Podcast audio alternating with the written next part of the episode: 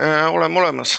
et tervitused kõigile, kes on tulnud siis vaatama meie Ameerika Hääle äh, saadet, milles me siis räägime põhimõtteliselt äh, e-valimistest e, e-valimiste siis vastasest võitlusest, seda, mida siin inimesed kõik meil teinud on, kes on erinevat pidi sellega seotud ja siis me siin ka avalikustame siis esimese äh, astme siis selles loos kuidas me siis siin äh, läheme nüüd äh, ka riigi vastu selle e-pettusega, et see muidugi ainult üks, üks väike osa asjast. ja ka kuskilt tuleb pihta hakata ja sellega me siis otsustasime, otsustasime, et hakkame pihta. nii, et täna on siis meil siin saates Harri Raudvere, kes on siis tuntud kirjanik, tervitus Äh, järgmisena on siis äh, Silver Kuusik, tema Tartu poliitik, tervist. järgmisena on siis äh, Daniel Mereäär, kes on siis Pärnus tuntud poliitik, Läänemaal võib-olla rohkem. siis on Karl Olav Rääk, kes on tunnustatud IT-ekspert, tervitus. ja siis viimasena on meil Heldur Valdek Seeder, tema tuleb siis ka täna rääkima siis enda üritustest ja asjadest, millest tema teab täpsemalt. ja siis äh, alustamegi, et äh, siin pikka sissejuhatust ei ole, et esimesena annaks siis sõna Daniel Mereäärele, palun. Daniel. nii, tervist, oleme hästi kuulda, jah. tere kõigile kuulajatele ja minu nimi on siis Daniel Mereäär ja poliitikas siis olen tegev praegu siis Saaremaa vallavolikogus. aga tänane teema siis e-valimised, et äh, ilma pikema sissejuhatuseta, siis äh, tahan inimestele teada anda, et olen otsustanud äh, eraisikuna anda kohtusse e-valimised, kuna e-valimised ei vasta mitte mingit pidi Eesti rahva ootustele ja, ja ütleme nii, et äh, ei ole ükski asi õige, mis põhineb usul. et praegu on tõesti nii, et, et tegelikult on nii, et valimised ei pea olema mitte ainult ausad, vaid ka tunduma ausad ja vastama ka põhiseadusele. ja kui me teame väga hästi, kuidas põhiseaduses on sätestatud, et valimised peavad toimuma ühel samal päeval, olema ühetaolised ja olema läbipaistvad ja ausad, siis ütleme nii, et äh, Eesti rahva kodanikuna ma ei näe, et ühtegi neist punktist oleks nagu täidetud ja seda enam, et e-valimiste süsteemi väga palju maailmas ei kasutata, kuna ei peeta seda väga usaldusväärseks. ja me teame alati, et äh, valimisi on võimalik äh, võltsida, aga e-valimised annavad selleks tegelikult veel suurema nagu võimaluse ja aluse, sest me ei suuda elu sees äh, kontrollida neid hääli. esiteks juba see, et kuidas neid antakse, mismoodi siis nende programmide abil neid saab liigutada või muuta see ei ole mitte mingit pidi hoomatav ega kontrollitav. nii et äh, tegelikult noh, selle ürituse nagu eesmärk tegelikult on see, et miks ma seda teen, et näidata üles nagu kodanikuaktivismi ja ka eeskuju, et inimesed sellega läheksid tegelikult kaasa, et ma ei oleks selles võitluses ainult üksinda. ja ma tean, et see saab olema keeruline võitlus äh, meie kohtusüsteemiga meil kiidetakse alati, et meil on väga aus kohtusüsteem, aga nüüd siis panemegi selle nii-öelda ausa kohtusüsteemi nagu proovile. et äh, ma osalesin ka, olen osalenud juba teist korda Riigikogu valimistel. õnnestus küll saada väga hea tulemus, aga ma tahan lihtsalt siinkohal ära öelda, et küsimus ei ole selles, kas ma sain Riigikokku või mitte, vaid tegelikult on see, et äh, tulemused on üleüldiselt valed valimistulemus andis ju absoluutselt kõikidele erakondadele vale signaali, kuna kui üks tulemus on muutujatest on vale, siis on kogu tulemus tegelikult vale. ja millise eeskuju või kuidas öelda, milline mainekujundus siis on meil maailmas Eesti kuvand, et meil on sellised valimised, mis ei ole ausad, ei ole demokraatlikud. ma ütleks seda, et äh, Putini Venemaast äh, nagu eristub, eristub ainult selle poolest, et meil veel ei tapeta inimesi meil tehakse see protsess teistmoodi ära, meil tehakse see e-valimiste süsteemiga ära ja see on sulaselge pettus. me ei kontrolli tehnoloogiat, mille abil seda läbi viiakse äh,. on sisse imporditud äh, ID-kaardi süsteem, on Rootsi süsteem ma tean, et Ameerikas on tegelikult ka sama probleem. seal on teistmoodi muidugi valimissüsteem, et aga samas importija on ju sama Lõuna-Ameerika riik, keda me kõik teame, eks ju. Et, et meil puudub absoluutselt kontroll ID-kaardisüsteemide üle, meil puudub valimisserveri üle kontroll. ühesõnaga minu ettepanek on see, et kaotada ära Eestis e-valimised ja viia nad äh, vastavusse põhiseadusele. kui valimised toimuksid ühel samal päeval, siis äh, need oleks kõige ausamad valimised ja mis kõige tähtsam, Eesti rahval tekiks tagasi ka see usk oma riiki. praegusel antud momendil äh, ei peeta ju enam ju põhiseaduse rikkumist ju Eestis mitte millekski, et, et põhiseaduse rikkumisest on saanud juba Eestis ju teatud mõttes juba traditsioon ja tava. ja kahjuks on ka see, et meie infoküllases ühiskonnas tegelikult inimesed on ka muutunud liiga, kuidas öelda, ükskõikseks. et siinkohal ongi hea võimalus äh, inimestele jälle selgitada ja selgitada ja selgitada veel kord, et me peame tegelikult sellest äh, süsteemist loobuma, kui me tahame, et äh, meie omariiklus säiliks, meie Eesti rahvas säiliks ja annaks lootust ka tulevikuks nii et see on minu poolt annetatud kõik, aitäh teile.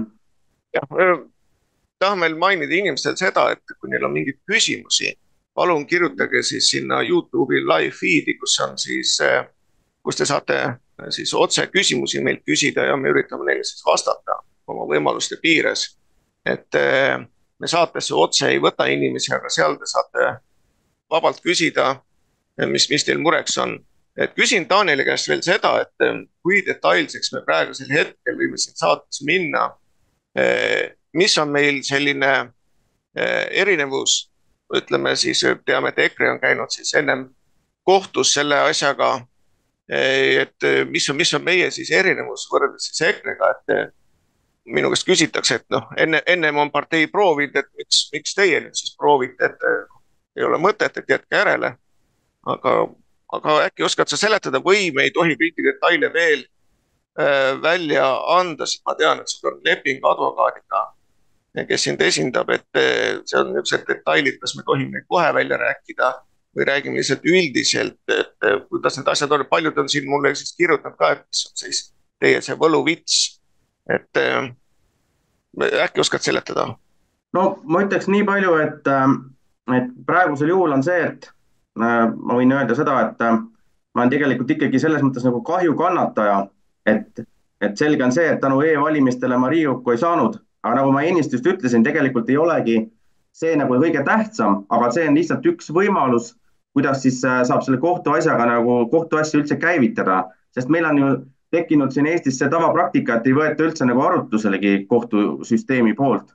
et praegu nagu selles mõttes on nagu olemas nagu äh, kuritegu on olemas kannatanu on olemas, ühesõnaga kuidas öeldakse, et kuriteo koosseis on olemas, et siis äh, nad ei saa tegelikult, kui Eesti kohtusüsteem on aus ja, ja peab, töötab nii, nagu peaks töötama, siis tegelikult see asi peaks käiku minema.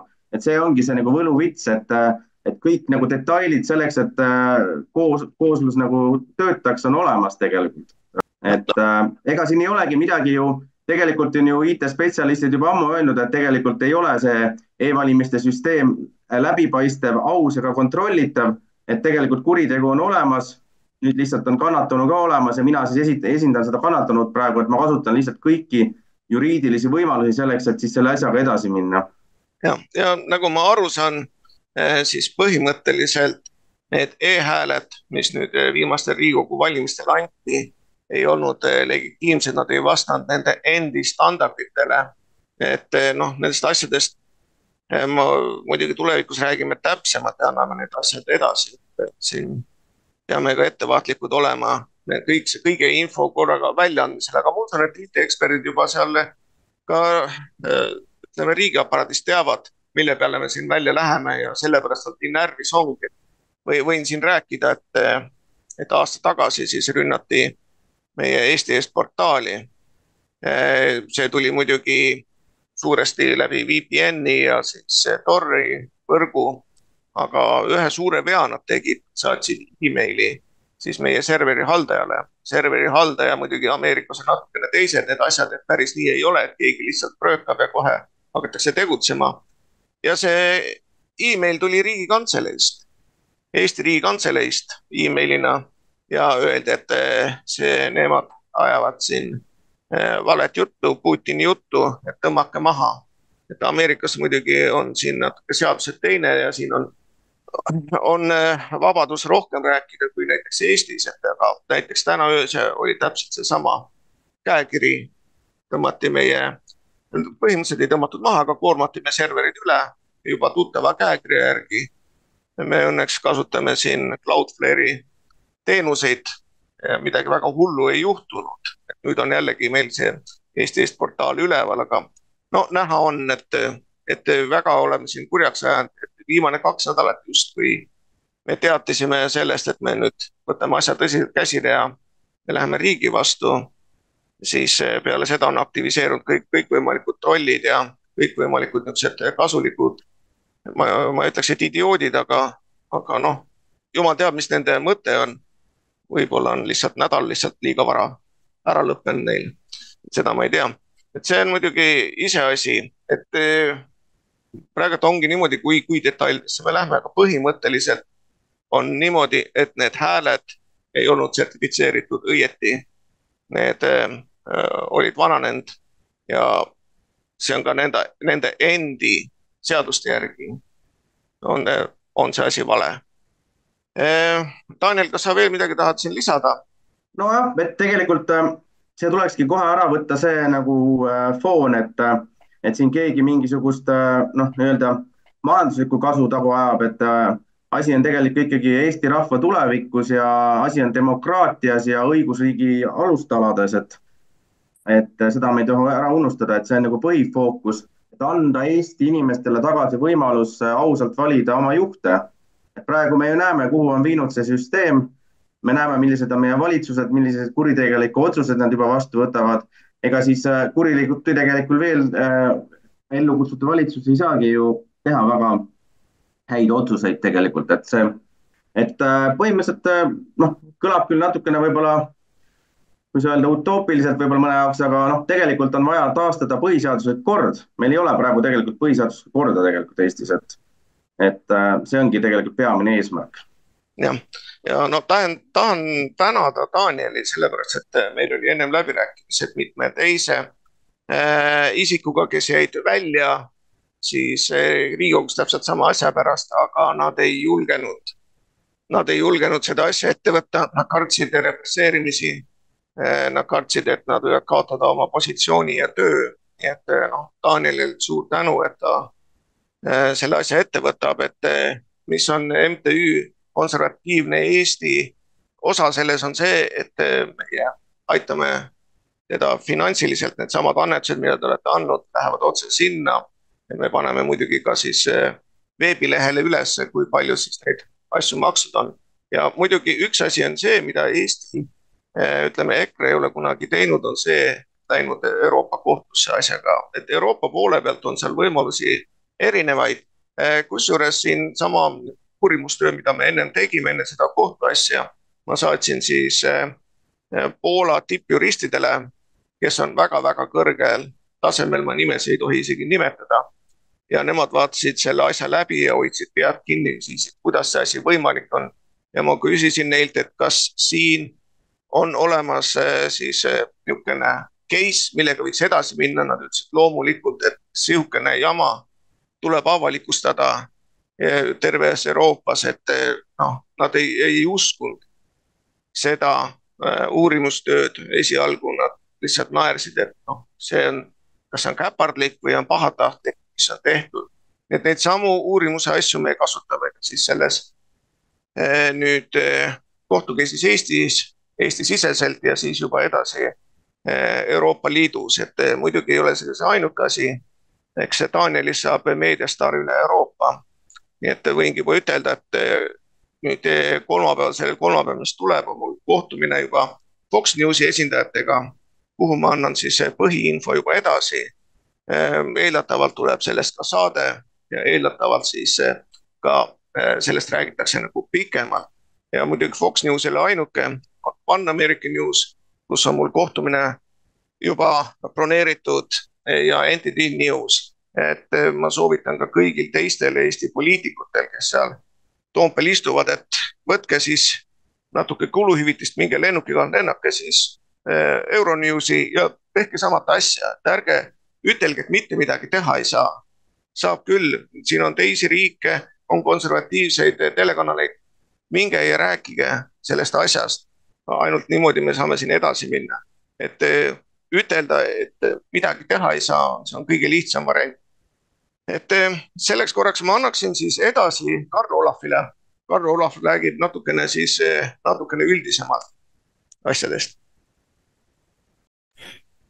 ja, et äh, valimiste võltsimisel äh, on ju alati mingi, mingi eesmärk. ja, ja antud juhul peaksime alustama sellest, et me oleme, me oleme juba tükk aega üsna, üsna tugeva vaikse rünnaku all. ja, ja see rünnak tuleb noh, nende poolt, keda nimetatakse hellitavalt globalistideks, aga noh, minu meelest globalist on selline liiga pehme väljend, see on nagu viigileht, mis varjab tegelikult äh, imperialistlikke äh, eesmärke, et see kildkond, kes, kes äh, läänemaailma praegu allutada äh, üritab äh,, nende eesmärk on mm, noh, maailma riigi loomine ja nad üldse ei varja seda ise, see, äh, see eesmärk on, on kirjas nii nende raamatutes kui veebilehtedel. Ja ja nad viivad seda ka väga, väga selgelt ellu, tegevus käib. ja globalistidel on õnnestunud aastatega saavutada selline võim, nii rahaline kui, kui äh, mõjuvõim, et nad on suutnud allutada endale mm, enamuse riikide valitsused, valitsusasutused ja on suutnud allutada endale massimeedia, on suutnud allutada äh, haridusasutused noh, et see ei ole vandenõuteooria, see ongi mm, elus vandenõu. aga neil on üks tõsine, tõsine komistuskivi, mis neile väga viha teeb ja see on rahvusriigid ja eriti äh, rahvuslikud erakonnad, rahvuslikud parteid neis riikides.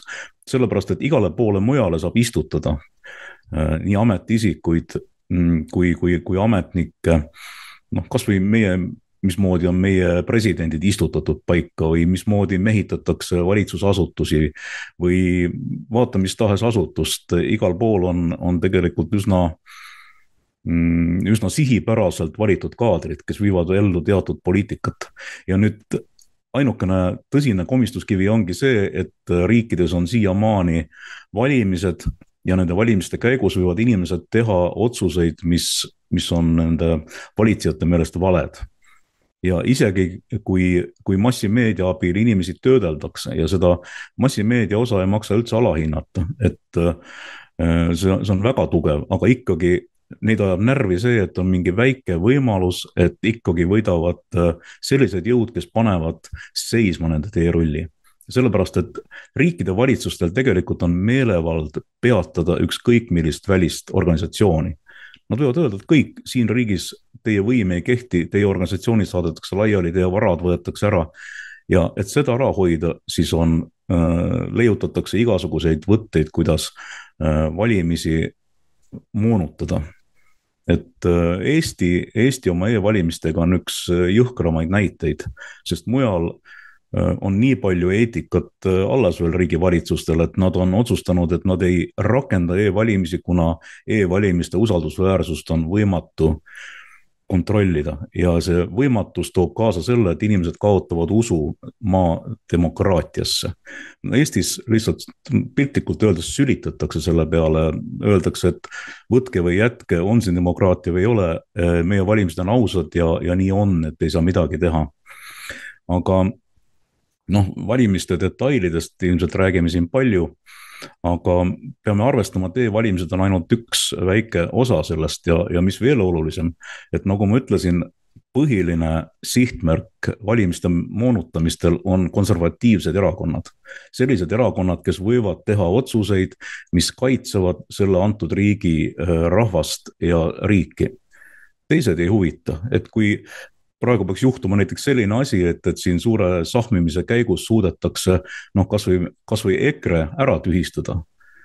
siis on, on selline lugu, et siis pole enam vahet, kas, kas meil on e-valimised või i-valimised või u-valimised valida ei ole enam siis põhimõtteliselt kedagi selles mõttes, et saab äh, valida küll funktsionäre pumba juurde, aga kedagi sellist, kes muudaks selle riigi saatust, enam valida ei ole. et selles, selles mõttes peame, peame kogu aeg silmas pidama ka seda, et me kogemata katki ei tee seda, mida me kaitseme ja see jutt ja see manitsus on mul tegelikult seotud natuke sellega, et, et sellesama e-valimistega seoses on nüüd selline inetu kemplus lahti läinud. nii, nii konservatiivses rahvaerakonnas kui selle toetajate hulgas ja, ja minu meelest selle asja võiks küll ära jätta, et see e-valimistega tegelemine on väga oluline ja erakond on sellega päris palju tegelenud ka. aga minu meelest on isegi hea, et see tegevus läheb üle äh, kolmandatele osapooltele. sellepärast, et kui, kui erakond tegeleb e-valimiste kriitikaga, siis sellel on väga selline äh, selge ja, ja rahva jaoks väga lihtsalt äh, arusaadav vastuväide, öeldakse, et nad on lihtsalt solvunud, sest nad kaotasid valimistel ja nad lihtsalt jonivad nende valimiste kallal, sest puhtalt isikliku solvumise pärast. et kui seda asja ajaks kolmas osapool, siis muutub vähemalt, vähemalt see ettekääne muutub tühiseks, et selle võrra on parem, et, et läheb see e-valimistega tegelemine üle kolmandatele äh, osapooltele. ja mm, ega rohkem selle kohta praegu öelda mul ei olegi, et, et äh, see laiem pilt on jah selline, et e-valimiste siht, sihtrühm või, või see põhiline kahjukannataja on alati konservatiivne äh, tiib kõikides riikides ja, ja seda peab arvestama, et eh, lisaks sellele, et e-valimistega võidelda, mis on väga tähtis, peab täie jõuga kaitsma ka seda konservatiivset eh, tiiba ja toetama ja mitte omavahel nägelema. Et see on minu sõnum praegu.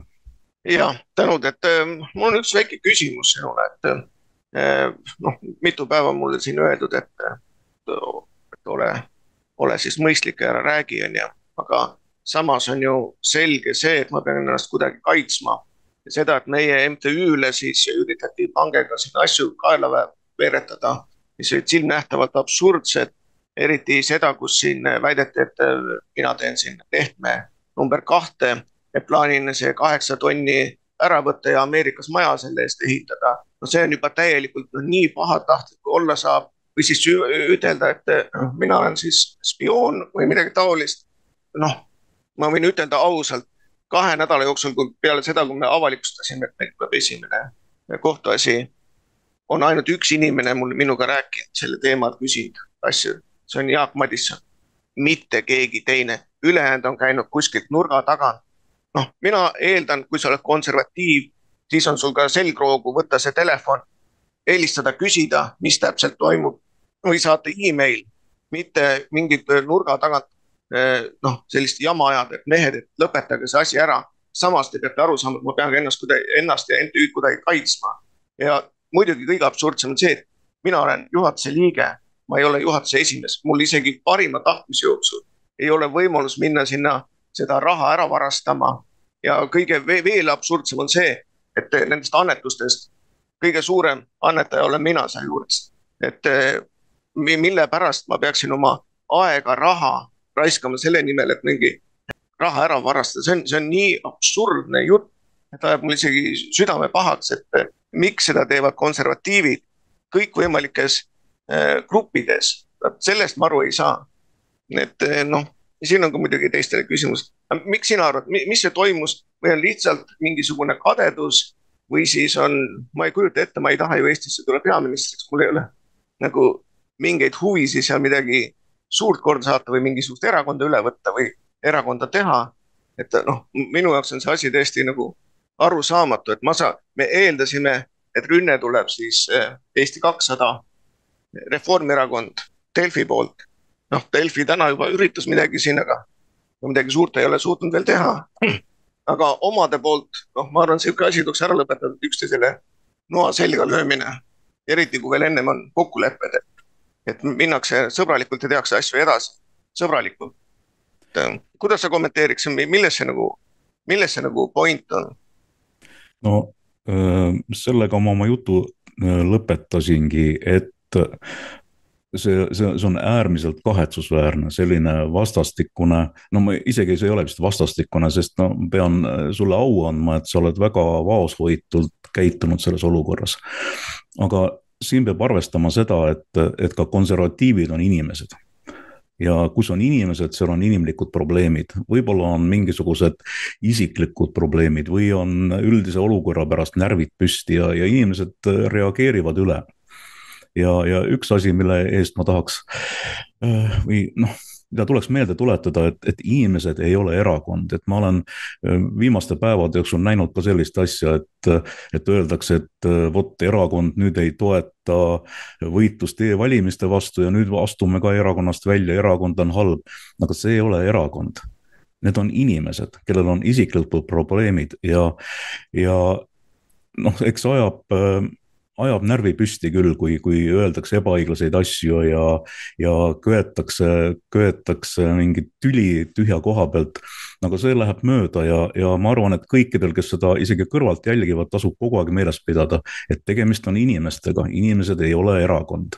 ja need inimesed, kes, kes midagi halvasti ütlevad või, või, või valetavad või pingutavad üle, nad vastutavad ise oma sõnade eest see tuleb kuidagiviisi neile endale tagasi ja selles mõttes noh, see ebameeldiv aeg tuleb ilmselt äh, üle elada ja, ja, ja teha, teha head koostööd.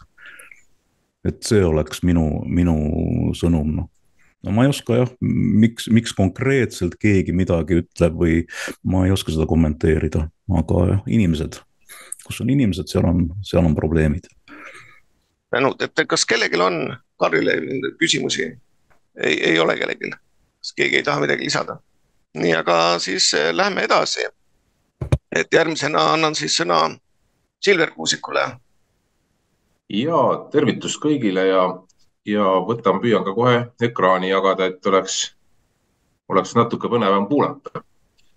Eh, mina ka eriline jutumees ei ole ja olgu öeldud, et ma ei ole ka eh, eriline interneti või tähendab IT nii-öelda guru, et ma suudaksin selle detailideks või pulkadeks lahti võtta. ometi Eh, riigi kodaniku ja, ja, ja ka eh, poole kohaga poliitikuna ma eh, väidan ühte, nii nagu ka Daniel ütles, et valimised ei ole usuküsimus ja nad ei tohi ka paista usuküsimusena. kõigepealt e-valimistest maailmas rääkides, siis, siis kõigepealt noh, Norras kasutati kunagi või prooviti interneti teel hääletamist ja, ja kolmeteistkümnendal aasta nii-öelda parlamendivalimiste järel see projekt seal ka lõpetati. no Austraalias on elektroonilist hääletamist eh, kasutatud valdavalt siis nii-öelda puuetega, puuetega isikutele. Kanada on proovinud ja, ja vähemalt kahekümne neljanda aasta seisuga ei ole nii-öelda üleriigiliselt selle projektiga jätka, jätkamise plaane Prantsusmaal eh, on alates kaheteistkümnendast aastast võimalik parlamendivalimistel hääletada interneti teel, aga see on siis ainult selle erisusega, et nendele kodanikele, kes elavad siis väljaspool Prantsusmaad. Ja kokku on selliseid valijaid siis umbes üks koma neli miljonit. siis e-valimistest veel maailmas on proovinud seda üks esinduslikuma demokraatiaga riike üldse, nimelt Šveits ja eh, seal siis eh, avastati eh, Šveitsi posti nii-öelda e-hääletamise süsteemis oluline leke, mistõttu, mistõttu need esialgsed nii-öelda kukkusid läbi. nüüd nad on seda süsteemi proovinud täiustada ja siis osades kantonites ka selle katsetamisega tulevikus jätkavad. küll aga on maailmas kolm riiki, mis e-valimisi praktiseerivad kus küsimusi ei esitata ja, ja ei küsita. et äh, kõigepealt siis äh, e-valimiste sünnimaa ehk Venezuela ja, ja, ja tuleb vaadata äh, kakskümmend aastat tagasi president Hugo Chavez'i nii-öelda poole, kus siis viimane lõi endal süsteemi, mis aitaks tal siis võimule jääda. ja, ja pärast seda jõudis see e-valimiste süsteem siis läbi Smartmaticu ettevõtte, mis on siis Venezuelast pärit, eh, jõudis ka eh, meie kodumaale ja, ja meie eh, nii-öelda mm, tublid IT-tiigrid või e-tiigrid võtsid selle juba siis ka kahe tuhande viiendast aastast omaks ilma igasuguste või olulisemate küsimusteta. Ja, ja, ja ka meie hea idanaaber, kes siin ikka meile demokraatias jutumärkides eeskuju on andnud, tema siis täielikult nii-öelda ratifitseeris neljateistkümnendal märtsil, aga oli ka varem praktiseerinud siis neid samu riigiduumal e-vali- või riigiduuma valimistel e-valimisi. ja, ja no esimene selline tugevam järeldus minu arvates on siis see, et kui Venemaal ja Venezuelas toimub valimissüsteem, on meie riigi analüütikute ja kõneisikute ja erinevate politoloogide jaoks või nende hinnangul ebademokraatlik, siis on seesama kasutusel olev süsteem ka Eestis ebademokraatlik, et ei saa kuidagi sõltuda asukohast äh, demokraatlik või ebademokraatlik hinnang, vaid peab sõltuma siiski selgelt äh, selle süsteemi äh, sellistest pea nii-öelda omadustest. ja, või vastupidi, et kui see on Eestis usaldusväärne, siis on see ka Venemaal ja Venezuelas usaldusväärne ja me ei tohiks ka siis nende riikide aadressil justkui midagi krõbiseda kahe tuhande üheksateistkümnendal aastal vaatame, kuidas e-hääled jagunesid, siis siis näeme ette Reformierakond eh, kakssada eh, sotsid, et ütleme, liberaalid on alati selle nii-öelda koore riisunud. Ja kui kahekümne kolmanda aasta peale vaadata, siis e-häälte hulk on märgatavalt kasvanud, need on siis vaataja jaoks rohelisel taustal. Ja, ja, ja näete siis ka ilusasti ära, et kui Reformierakond selgelt liiderdab, et siis näiteks EKRE ei saanud või EKRE-l üle saja tuhande e-hääle vähem veelgi huvitavam on see, kui, kui me mäletame eh, viimaseid valimisi mm, eh, märtsis eh, eelmisel aastal, Riigikogu valimised, see on siis nüüd paberhäälte lugemine ja, ja siin selle seisuga oli veel lugeda, kas äkki kaheksa või üheksa jaoskonda. ja, ja te näete ära, kuidas oleks, kuidas oleks nii-öelda hääled jagunenud või kohad jagunenud. nii et nende erakondade nimede koha peal siinsamas on siis ka potentsiaalne eh, nii-öelda kohtade jaotus. Eh, ja peab ütlema, et see nüüd kattuks eh, peaaegu täielikult sellega, milliseid valimistulemusi või millist, ütleme siis valimiseelistust mõõdetakse tänasel päeval Eesti kodanike seas. seesama, mida Ühiskonnauuringute Instituudi nii-öelda teeb, et, et noh, ütleme, siin on küll jagunenud ära opositsiooni ja koalitsiooni siseselt need hääled, aga, või protsendid aga eh, see kohtade arv eh, iseenesest või hinnang sellele poliitikale, et millist poliitikat me ajame, kas seda liberaalset või konservatiivset, et see eh, nii-öelda toetusprotsent oleks justkui no mehaaniliselt ülekantav. juhtus aga teisiti ja, ja, ja valimistulemustele lisandus ka e-hääled ja e-häälte jagunemine on nüüd teie ees siin graafikul või pildil välja toodud ma olen välja jätnud siis seitsmenda valimisringkonna Ida-Virumaa, kus, kus või mida ei saa võib-olla käsitleda selles kompotis, kuna seal on teise iseloomuga valijad. ja, ja te näete väga tugevalt, markantselt ära selle, kuidas miskipärast on siis selle e-valimiste nii-öelda esiotsas selgelt liberaalse iseloomuga parteid siin ka parempoolsed, kes muidu eh, mitte midagi suurt ei, ei saavuta, siis ka nende selline eh, häälte eh, nii-öelda jagunemine kipub ikkagi olema siis e-hääle poole. ja vaatame siis kõigepealt ära, kuidas, kuidas on siis hääled jagunenud. nüüd need tulbad näitavad siis ära, et Riigikogu liige ja kui palju siis kogus tema protsentuaalselt e-hääli näiteks siinsamas Reformierakonnast Pärtel-Peeter Pere, tema e-häälte protsent kogu tema häälte arvust on siis kaheksakümmend üks koma üheksa protsenti. no kõige kehvem eh, sellesse tabelisse mahtuv inimene on siin eh, välisluuraja või luuraja kuuskümmend kaheksa koma kaheksa protsendiga. siin Eesti kahesaja puhul täpselt samamoodi sellised kõrged protsendid sotside puhul eh, ka üsna eh, tugevad protsendid. Siin juba konservatiividel Isamaal näete langeb juba, et eh, kõige kõvem mees Marko Pomerants sai kuuskümmend koma kuus protsenti oma häältest e e-häältena ja näiteks siin Aivar Kokk, temal on ainult nelikümmend kolm koma kuus protsenti.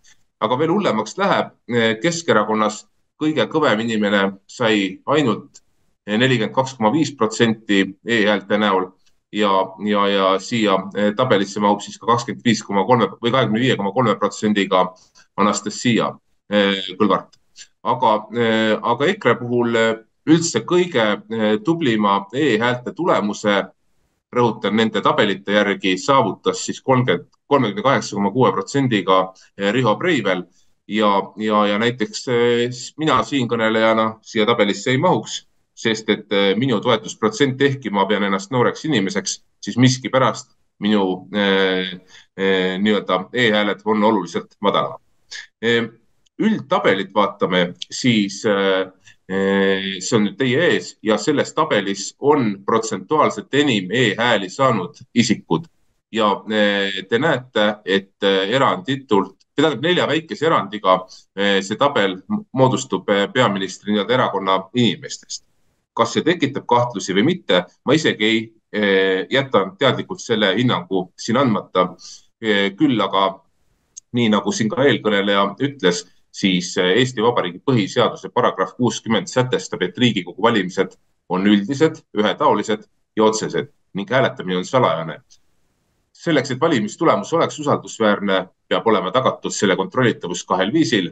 esiteks, valija peab saama kontrollida, et tema antud hääl laekus ning valimiste vaatlejad peavad saama samuti kontrollida, et kas kõik laekunud hääled loeti õigesti, nii nagu paberhäälte puhul seda ilusasti ju teha saab e-hääletuse puhul ei ole valijal ilma eriteadmisteta võimalik kontrollida, et tema hääl laekus õigesse kohta ja siis puudub ka universaalne kontrollitavus. see tähendab, et valimiste vaataja ei saa kontrollida eh, siis eh, sedasama nii-öelda häälte õigesti kokku lugemist e. e-hääletust ja eriti internetihääletust ei kasutatagi enamikes maades just seetõttu, et tagatud ei ole salajasus ning kodanikele arusaadav, kontrollitav kontrollitavus ja läbipaistvus, mis on ju valimiste nii-öelda oluline printsiip kodanikul peab olema võimalik usaldusväärselt ja ilma eriteadmisteta kontrollida valimistoimingu ja tulemuste väljaselgitamise olulisemaid samme.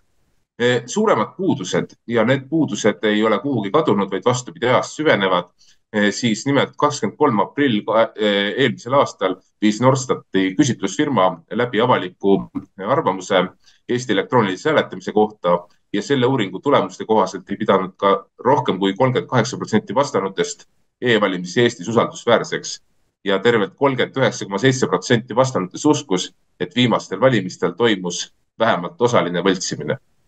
E, seda e, analoogiat toetab ka Tartu Ülikooli e, Süte poliitikauuringute instituudi küsitluste seeria, mis siis tõestab või tõendab, et kunagi pole see e-valimiste usaldus Eh, ületanud Eestis kaheksakümmend protsenti ja on kahekümne kolmandal aastal langenud alla eh, kuuekümne protsendi. Ja eh, seesama usaldamatus kandub üle ka nende valitud kogude legitiimsusele, rahvas kaugeneb võimust ja, ja, ja nendel tekibki, nii nagu võib-olla siin Daniel ütles, teatud mõttes ükskõiksus eraldi küsimus on see, et miks e-valimiste andmed arvutikõvaketastel kuu aega pärast valimisi hävitatakse, mis on selle kiire hävitamise põhjus, ei oska ütelda, aga küsimusi tekitab päris tugevalt. Veel meie, ütleme selline noh, hea, mida oponendid kasutavad, selline hea vabandus on siis see, et, et aga e-pangandust ei usaldata, et, et miks te siis nagu e-valimiste e, e-valimisi ei usalda. Aga just siin ongi see erinevus, et kui me e-valimiste puhul eh, nii-öelda, või tähendab e, e-panganduse puhul me liigutame ka suuri summasid, aga seal me näeme, et need summad on laekunud, need on hiljem igatpidi ka tõestatavad, aga e-valimiste puhul ei tohi keegi teada ja ei saagi teada, et eh, kes ja, ja, ja kuhu siis eh, oma e-hääle nii-öelda andis. Seda sama e-valimiste nii-öelda puudujääke kinnitab ka Riigikohtu esimees Villu Kõve kes siis eh, eelmisel aastal, kolmekümnendal märtsil oma arvamuses Eesti e-valimiste kohta ütles, et eh, valimised mitte üksnes ei pea olema ausad, vaid ka näima ausad ning kaebajate väidete kontrollimiseks peaks olema tagatud tõhus ja mõistlik menetluskord, millega siis eh, hea Riigikohtu esimees kinnitab, et seni see ju nii ei ole. Veel vaatasime järgi, et e-hääletuse kasutuselevõtt ei ole oluliselt mõjutanud valimistel osalejate arvu, millega üritati justkui neid e-valimisi juurutada, et nüüd hakkab see eh, mühinal see eh, toet- või hääletamas käinute arv tõusma, siis tegelikult seda ei juhtunud. Ja ja kordan veel kord üle, et e-valimine pigem tekitab usaldamatust valimistulemuste vastu, tekitab kahtlusi riigivõimu legitiimsuses ja riigi institutsioonidest võõrandumist. ja oma lõpuslaidil olen toonud ära ühe, see on valimised.ee lehelt pärit, parempoolne slaid, kus osalusprotsendiks mingil ajal märgiti tervelt sada kümme koma neli protsenti, mis on juba, ütleme, omane Põhja-Koreale või, või mõnele muule sellisele, kus, kus valimisaktiivsus ületab riigis elavate kodanike arvu. nii et ekraanil nähtav ei pruugi alati reaalsus olla. sellega ma omalt poolt lõpetan ja tänan ka selle võimaluse eest teie ees olla, head vaatajad. jah, tervitus siis Mart Kallasele, kes on meiega nüüd liitunud ja siis ma küsin veel siis Silveri käest, kui on võimalik. Nii, ma küsin sellist asja, et mina kandideerisin siis äh, põhimõtteliselt ankrumehena Mustamäel, noh, Mustamäel muidugi keegi mind eriti ei tunne, aga noh, selleks sellisele asigi. et ütleme, et Reform ja siis EKRE said ühe sama palju hääli paberhäältena siis Mustamäel. aga nüüd on absurd, kui te vaatate e-hääli e-häälte vahe on kümnekordne, peaaegu kümnekordne. Ma siin vaatasin, et kes, et, et äkki on seal vanuselised asjad, ei ole vanuselisi erinevusi ega midagi eriti. et kuidas sina seletaksid seda, et paberhääli on enam-vähem võrdselt, aga e-hääli on kümme korda on see vahe, et noh, ma ei taha kuidagi uskuda, et siis just see reformi hääletaja on see inimene, kes siis oskab arvutit kasutada ja EKRE oma on see, kes ei oska üldse midagi teha. kuidas sa kommenteerid? Mm, ja aitäh sulle. Äh, küsimus äh, ongi ju küsimuste küsimus, mis tegelikult, äh, millele vastamine peaks andma ära siis nii-öelda kogu selle, millele konservatiivide selline mm, noh, kahtlus e-valimiste usaldusväärsuses põhineb ehk et kas tulemusi on manipuleeritud või neid ei ole manipuleeritud kas kuvatavad tulemused on kooskõlas valija poolt antud eh, häälte, eh, häältega või mitte. ja, ja ma selles mõttes ei julge anda sada protsenti seda hinnangut, et need valimised on võltsitud, aga rõhutan, et ligemale nelikümmend protsenti, nagu ma ka näitasin oma ettekandes, tervelt nelikümmend protsenti rahvast leiab, et need ei ole usaldusväärsed nii et äh, üks asi on see, kas on võltsitud või mitte, aga nelikümmend protsenti meie kodanikest ei usalda valimisi ja, ja, ja see on väga suur toetusprotsent, et äh, see, kuidas liberaalidel kahtlaselt hästi need hääled klappisid ja kuidas need e-hääled just peale paberhääli tulid ja, ja, ja miks nad nii tulid. me mäletame varasemast ajaloost ka seda, kui e, ju kadus tükiks ajaks valimisõhtul pilt ära eest ära, et noh, mingeid tulemusi ei tulnud ja, ja tulemused seisid kuskil, et et noh, seekord tehti natukene grammikene kavalamalt, paberhääled olid olemas. ma pean ütlema, me konservatiividena ka, me rõõmustasime selle tulemuse üle, tulemus oli ootuspärane valimispäeva õhtul eh, paberhäälte kokku lugedes. aga siis oli eh, varuks üllatus ja eh, rakendus seesama süsteem, mis Venemaal ja Venezuelas samamoodi toimetab ja kordan varasemalt öeldud, võimaldab võimul oleval seltskonnal võimul edasi püsida.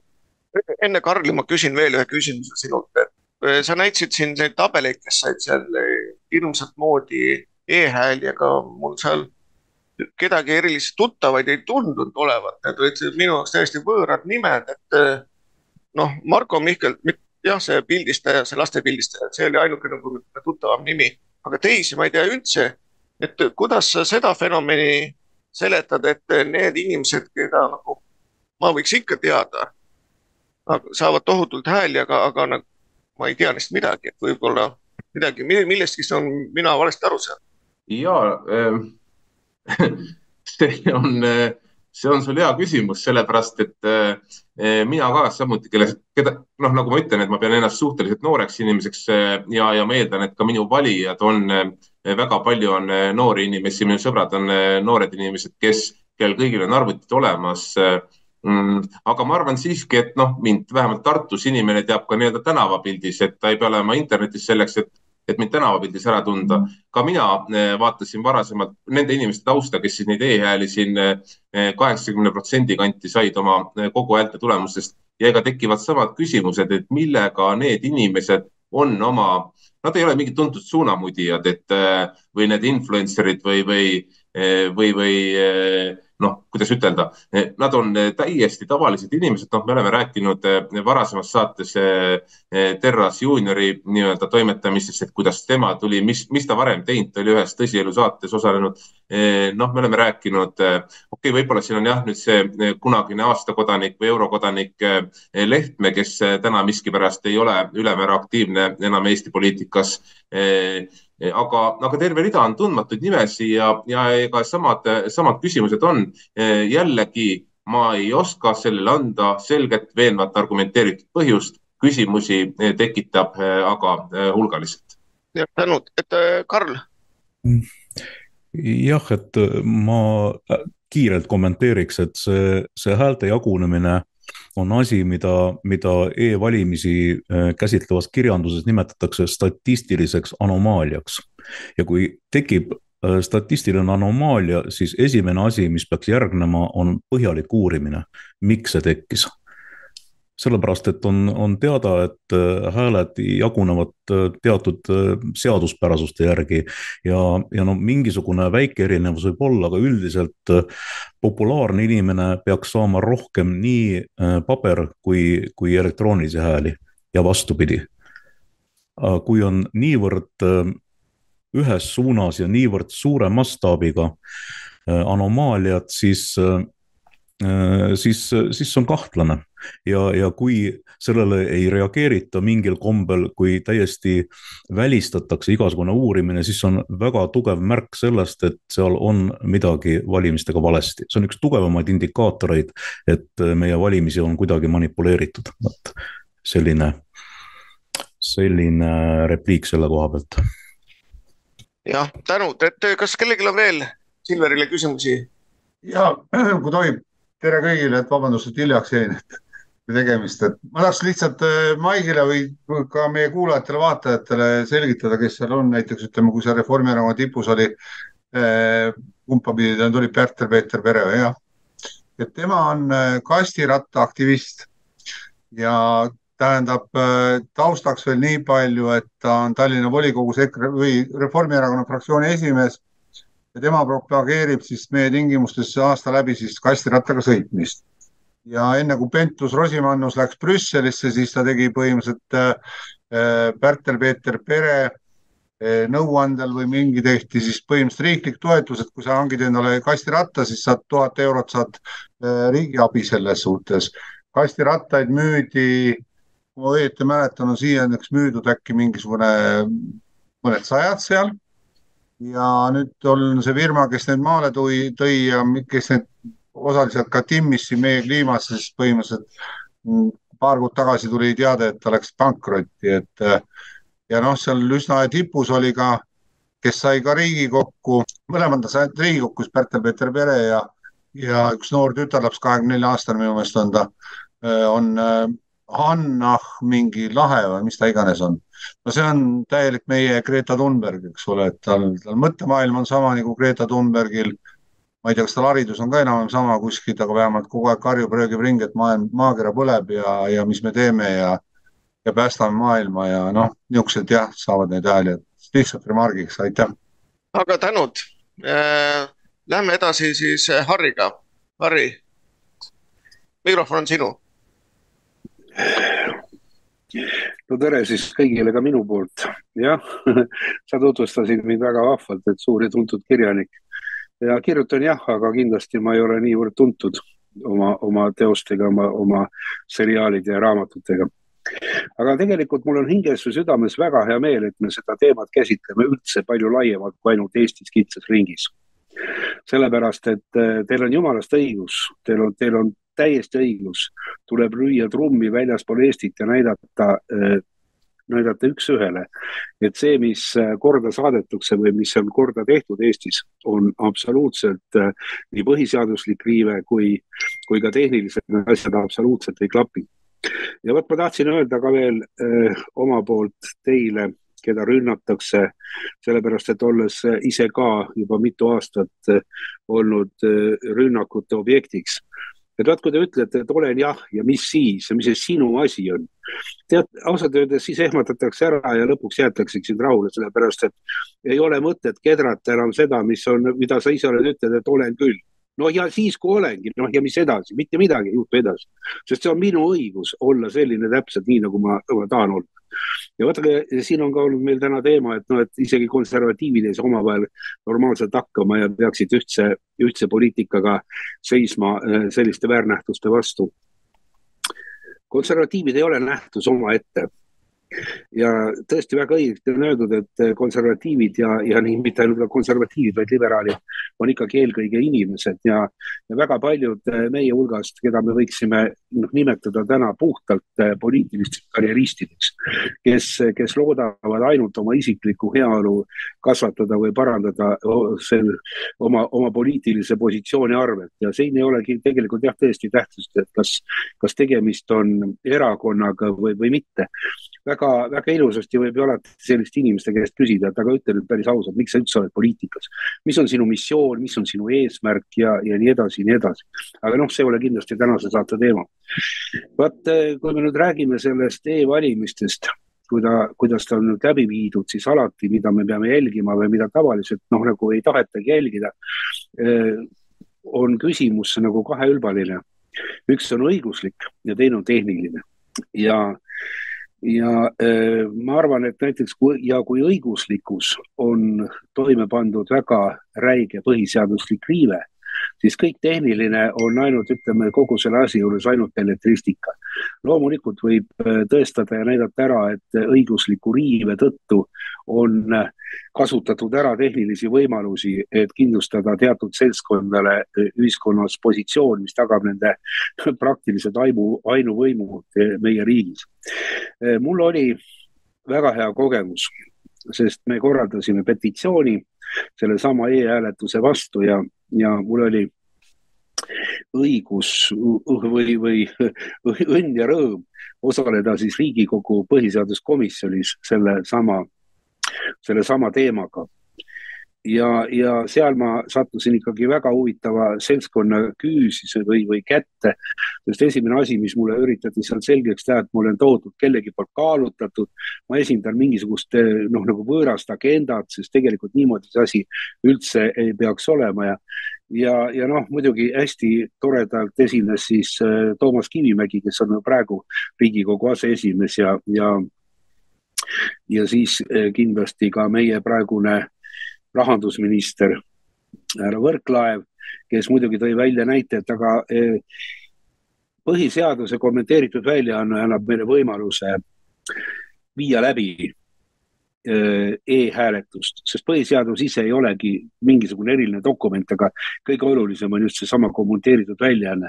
ja kui ma siis püüdsin neile selgitada, et noh, kallid inimesed, et põhiseaduse kommenteeritud väljaanne sai kokku pandud siis sellisel perioodil, kui mitte ükski hing ei osanud veel arvatagi ega teada äh, mitte midagi e-hääletusest, noh siis, siis muidugi siis muidugi tõmmati see teema kokku ja, ja käratati mulle peale, et, et mis sina, mees, oled tulnud siia küsimusi esitama, tegelikult meie peame sinu käest küsima.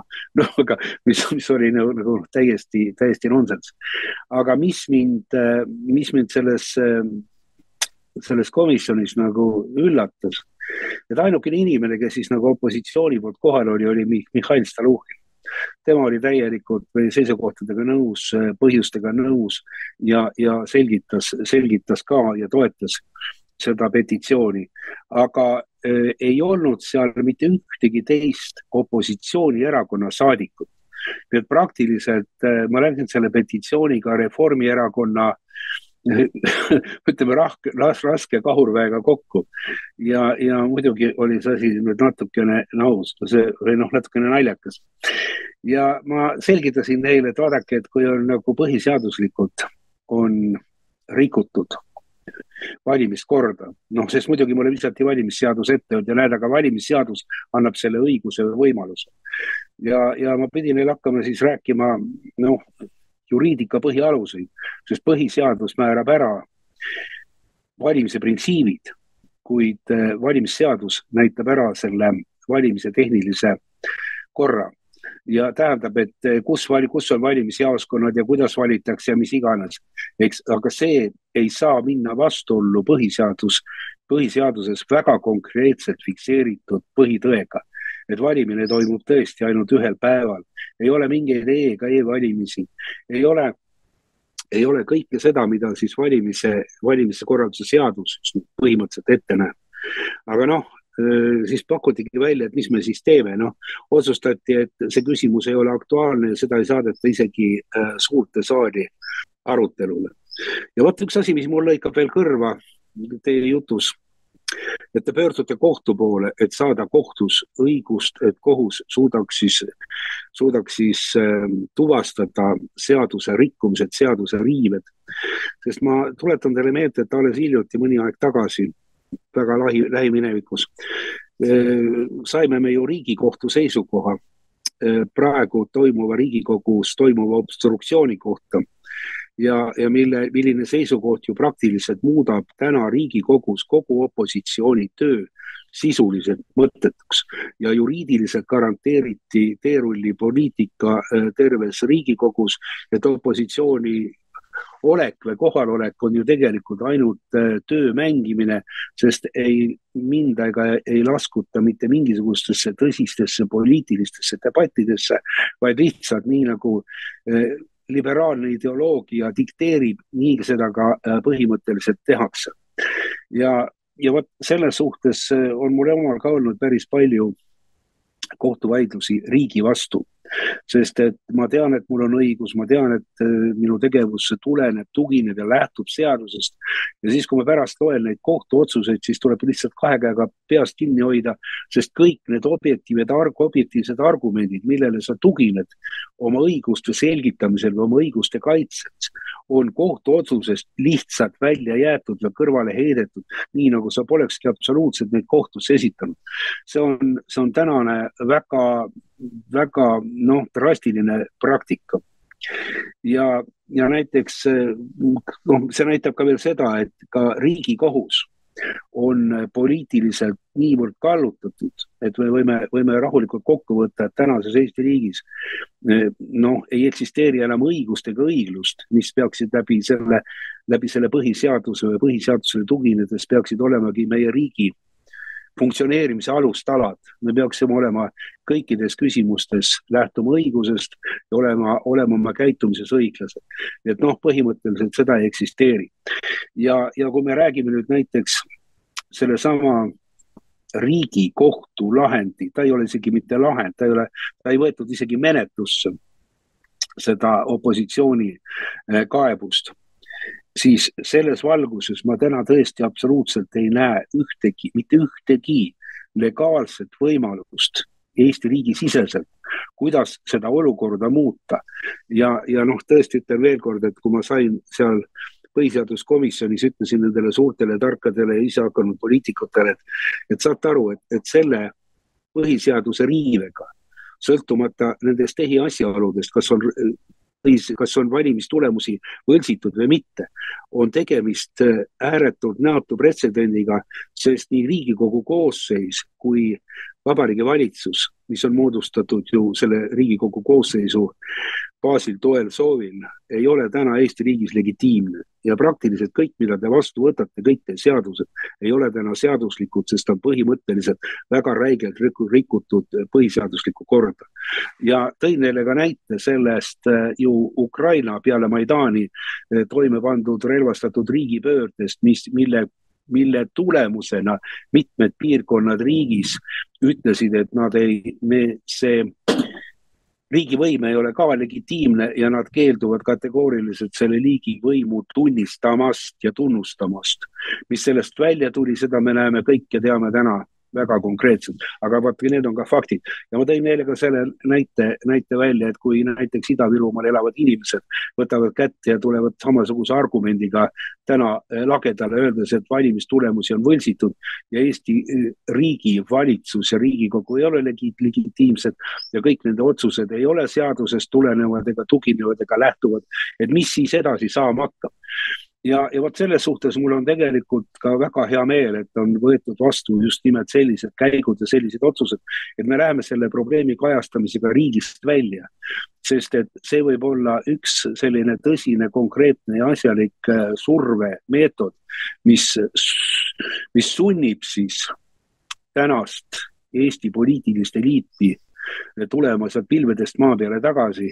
ja noh, muidugi me muidugi teame, mis on see põhjus, miks nad niimoodi käituvad ja, ja miks nad seda, seda teevad, sest need äh, põhjused ja need sidemed, need seosed on ju palju laiemad kui lihtsalt võimu haaramine riigis see on, see on hirm oma naha pärast, kui ajalugu, ajaloorattas keerab natukene teistmoodi, kui, kui parasjagu äh, nemad loodavad ja plaanivad.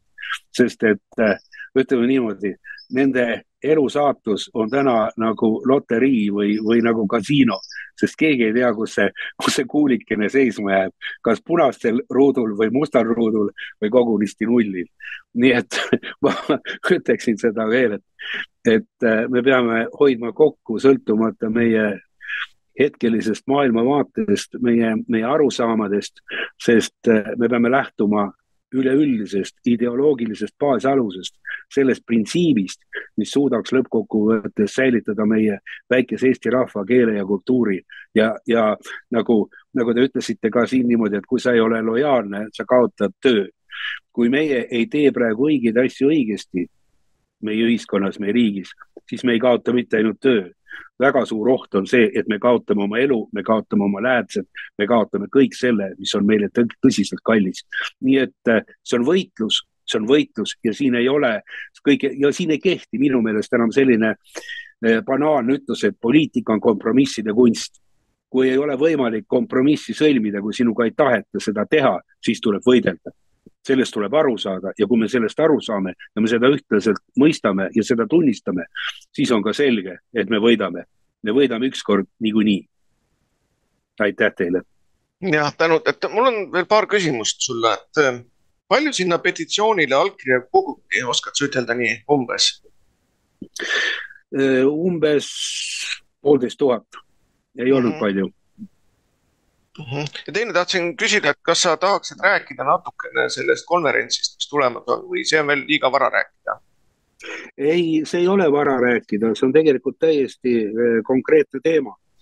ja, ja ütlen, et noh, kui me oleme siin öelnud, et me nagu ei taha eraldi esitada erakondi ja seisukohti, siis mulle tähendab tohutult imponeerib eh, praegu loodav Eesti Rahvaerakonna eh, programm, need inimesed, need põhimõtted ja need suundumused, mida, mida see siis kajastab ja erinevalt äh, ka EKRE-st ja ka teistest konservatiivideks, ennast konservatiivideks pidavatest erakondadest on sellel seltskonnal ka väga selgelt ja konkreetselt välja toodud äh, majandusprogramm, efektiivsed lahendused, kuidas Eesti majandust saaks tegelikult ikkagi pöörata tõusuteele, mitte, mitte niimoodi, et me täna loeme ainult äh, nii Statistikaameti spetsialistide käest ja kuuleme Riigikogu infotunnis, kuidas kriis on möödas ja me läheme kõik äh, tõusujoones ja nüüd hakkab õnn tulema õuele ja ja pudrumäed hakkavad kohe aia taga kerkima, aga samas me loeme kõrvalt, kuidas jälle eh, tervete valdkondade kaupa eh, ettevõtjad koondavad oma, oma töötajaid, tõmbavad tootmist kokku ja majandus läheb kogu, faktiliselt läheb eh, kolinal alla.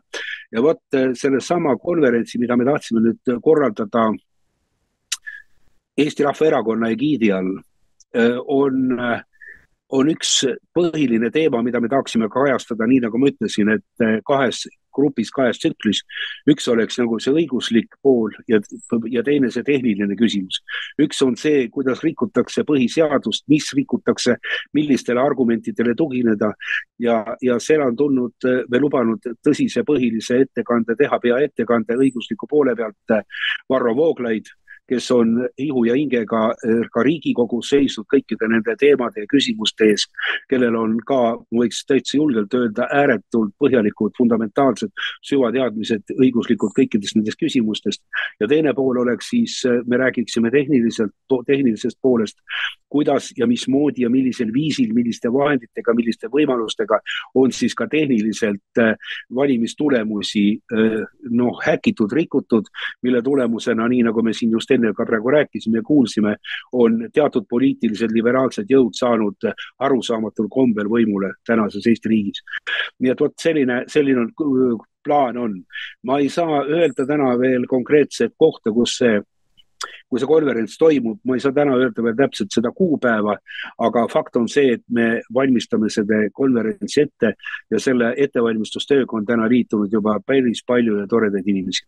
jah, tänud, kas kellelgi on küsimusi Harile? et ähm, praegusel hetkel ei ole, siis ähm, anname edasi sõna Heldur Valdek Seederile, et ähm, tema on just teinud ka, ta on osaline siis MTÜ-s mis samamoodi siis võtab lahti seda e-hääletuse asja. et kas sa räägiksid nagu täpsemalt, millega te tegelete ja, ja mis on eesmärk? Tere ka minu poolt. Ja ma kõigepealt tänan Maiki, et ja teisi, et korraldajaid, et mind kui poliitilist konkurenti või vähemalt endist poliitilist konkurenti on kutsutud siia esinema ja sõna võtma. Ja ma tõepoolest arvan, et kõige tähtsam on, et selles diskussioonis oleksid kõik osapooled esindatud, et ei saa nii, et äh, et kuidas öelda, valitsuse esindaja, äh, kes võim, parasjagu võimul on, ainult räägib, korraldab, organiseerib, palkab kontrollijad, avaldab ise tulemused. siin on vaja eh, laia, laia osalust, sest see on riigi võimuorganite moodustamise kõige olulisem küsimus, kuidas toimuvad valimised ja tulemuste kokkuvõtmised. ja me peame välja tooma kõik need riskid kui, kui mõni hääletamisviis seab riigivõimu moodustamisele talutamatult suured riskid, siis tuleb sellest rääkida ja, ja ei saa nii, et kodanike pöördumisi lihtsalt tagasi peksta ja, ja kuidas mitte, mitte süveneda nendesse, et see on lubamatu. nii ja siis saimegi nüüd hiljaaegu kolm pikka aega valimisvaatlemistel osalenud äh, inimest, kelle maailmavaated on äärmiselt vastandlikud. Äh, saime kokku, mina siis, äh, kes ma olen pigem noh, traditsioone austavast perekonnast. Märt Põder, kes on filosoof ja IT-entusiast ja Oudekki Loone, keda on eh, peetud, eh, noh, ma väga vabandan ta ees, aga noh, ütleme siis, et minu erakondadena ja maailmavaadete poliitiliseks konkurendiks ma ei julge ta öelda, et ta oleks mingi noh, ma, ma ei taha täpsemalt nimetada, sest ta on lihtsalt ähm, kuidas öelda, välja kujunenud kindlate vaadetega inimene, kes lähtub oma, oma arusaamadest ja, ja mis me avastasime, et meid seob täiesti, täiesti see, et me saame kõik äh, ühtmoodi aru e-hääletuse ohtudest, kui seda, äh, kui see toimub äh, täna toimuval moel. me ei ole erinevalt võib-olla enamikul, kus täna osalejatest, me ei ole e-hääletuse vastu ja kui niisuguse vastu, me oleme selle probleemide vastu me tahaksime teaduslike meetoditega eh, kõik need probleemid läbi käia, nõrkused läbi käia, leida neile teaduslikud lahendused. Eh, kui seda on võimalik leida, kui seda ei ole võimalik leida, siis teha poliitiline otsus, et eh, kuidas, kuidas sellega saab jätkata Eh, või ei saa ja siis me moodustasimegi, tähendab, arutasime alguses, et eh, moodustada uus vaatlejate ühi, nii-öelda ühendus. Eh, kuid samal ajal jõudis meieni info, et seni kaks tuhat kaksteist aastal siis asutatud mittetulundusühing Ausad valimised mida seni on juhtinud eh, Siret Kotka ja eh, Rein Ruutsoo, professor Rein Ruutsoo on eh, valmis selle juhtimise üle andma. ja me leidsime, et, et kuna me juba oleme kõik väga erinevate poliitiliste vaadetega, et siis tegelikult olekski tark äh, minna seda teed, et oleks üks erakondadeülene ähm,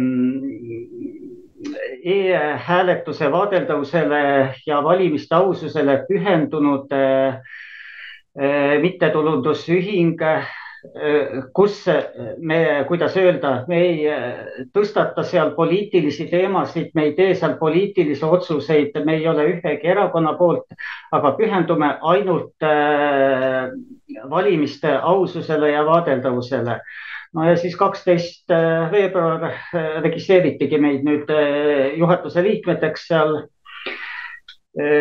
siis mina, Märt Põder ja Oudekki Loone oleme kolmekesi siis eh, väga, väga jah, erinevad, täiesti erineva taustaga ja arusaamistega inimesed, mida ühendavad soov, et Eesti valimised oleksid ausad ja oleksid läbipaistvad. Ja et seal oleks väga oluline, kuidas öelda, määrav kodanikuühiskonna kontroll.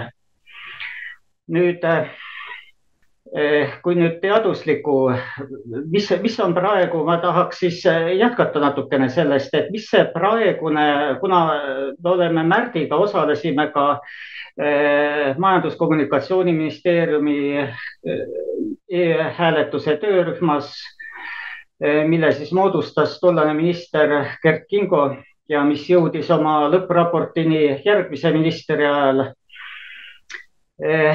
seal nagu üks minu niisugustest põhilistest järeldustest oli, et tegelikult äh, see, et e-hääletus ei ole vaadeldav, et selle üks juurpõhjustest on üks noh, kui kõnelda teadusliku äh, meetodite keeles, siis äh, tuginemine spekulatsioonidele ja dogmadele, eks ju. spekulatsioonid on hüpoteesid või teooriad, mis põhinevad oletuslikel või arutu, arutelulistel seisukohtadel ilma piisavate tõenditeta ja dogma on jäik kinnipidamine kindlatest õpetustest või doktriinidest, mis ei allu kriitilisele analüüsile või ümberhindamisele teaduslike tõendite valguses vaat ja see juurpõhjus seal, üks juurpõhjustest on, et eh, ei, inimene ei tohi saada, see ei tohi olla kontrollitav e-hääletus, sest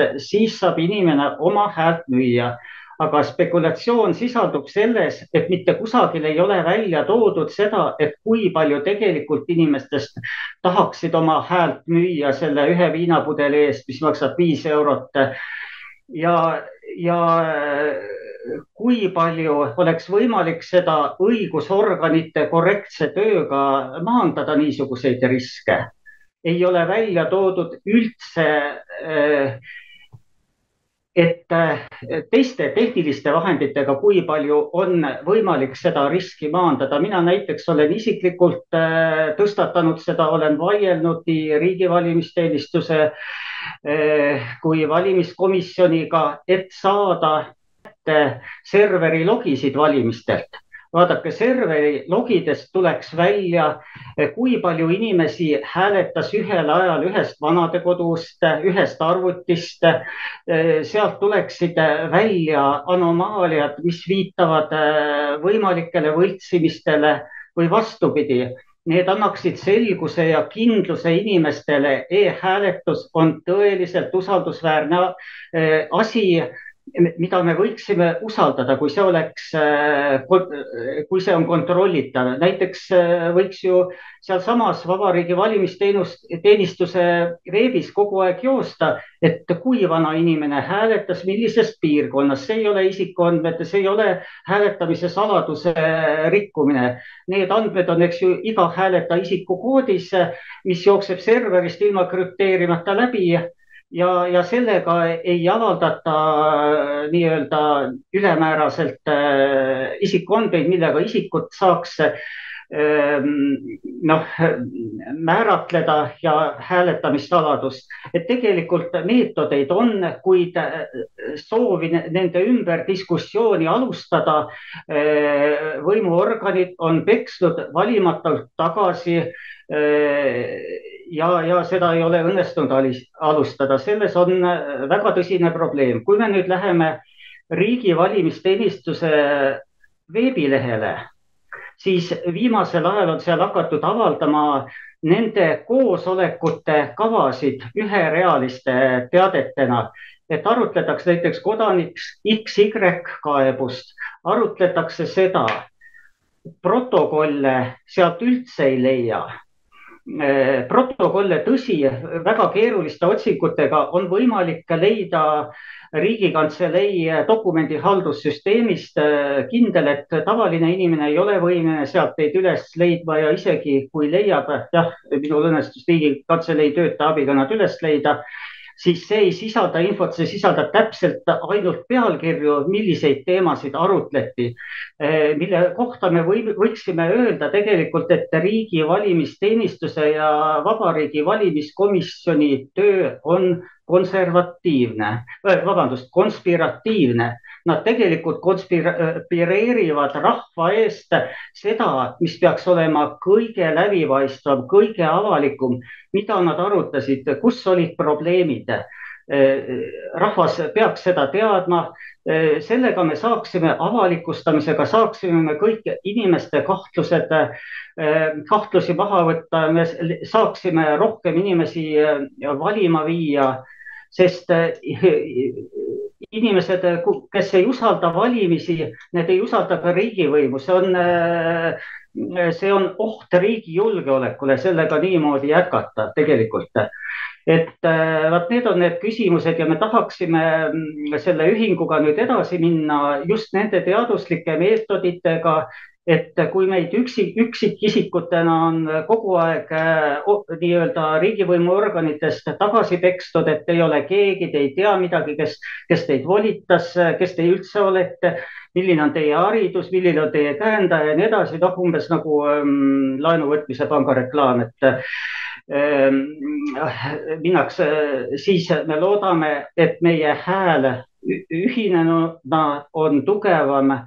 Meie äh, teaduslikud meetodid suudavad äh, olulisi, olulist osa ühiskonnast veenda, et äh, e-hääletus ei ole mingi piljard, mida teatud organid võivad oma lõbuks mängida, vaid see on riigielu üks kõige tähtsam küsimus, kus ei saa liiga kõrgeid riske võtta, ilma et need oleks läbi arutatud, maandatud nii, eh, kas, kas nüüd eh, e-hääletus, siin oli küsimust ka või oli eelmistel mõnel kõnelejal oli arvamust, et e-hääletused võivad olla põhiseadusega vastuolus. vot meie siis, meie ei tahaks, meie arvates see on nagu rohkem natukene juba poliitiline seisukoht või, või siis õiguslik seisukoht. samas me võime öelda, et äh, õigusliku seisukohana äh, nii või naa, kas me seda austame või mitte, me peame aktsepteerima Riigikohtu arvamust. Äh, jah, võime siin juurde nüüd märkida väikse mm, vihjena, et noh, eks see Riigikohtu moodustaminegi tuhande üheksasaja üheksakümne kolmandal aastal toimus noh, mitte just kõige paremal, paremal viisil, noh, liikmeteks said kõik ainult endised NLKP liikmed, sada protsenti. Et noh, see selleks nüüd, aga, aga sellest hoolimata, sellest väiksest asjast ei mm, peame me juriidilise seisukohana aktsepteerima seda, et äh, kui ähm, Riigikohus ütleb, et ta ei ole põhiseadusega vastuolus, siis me peame seda aktsepteerima või leidma uued täiendavad argumendid, millega küsimust, nagu öelda, teise vaatenurga alt tõstatada oma olemuselt.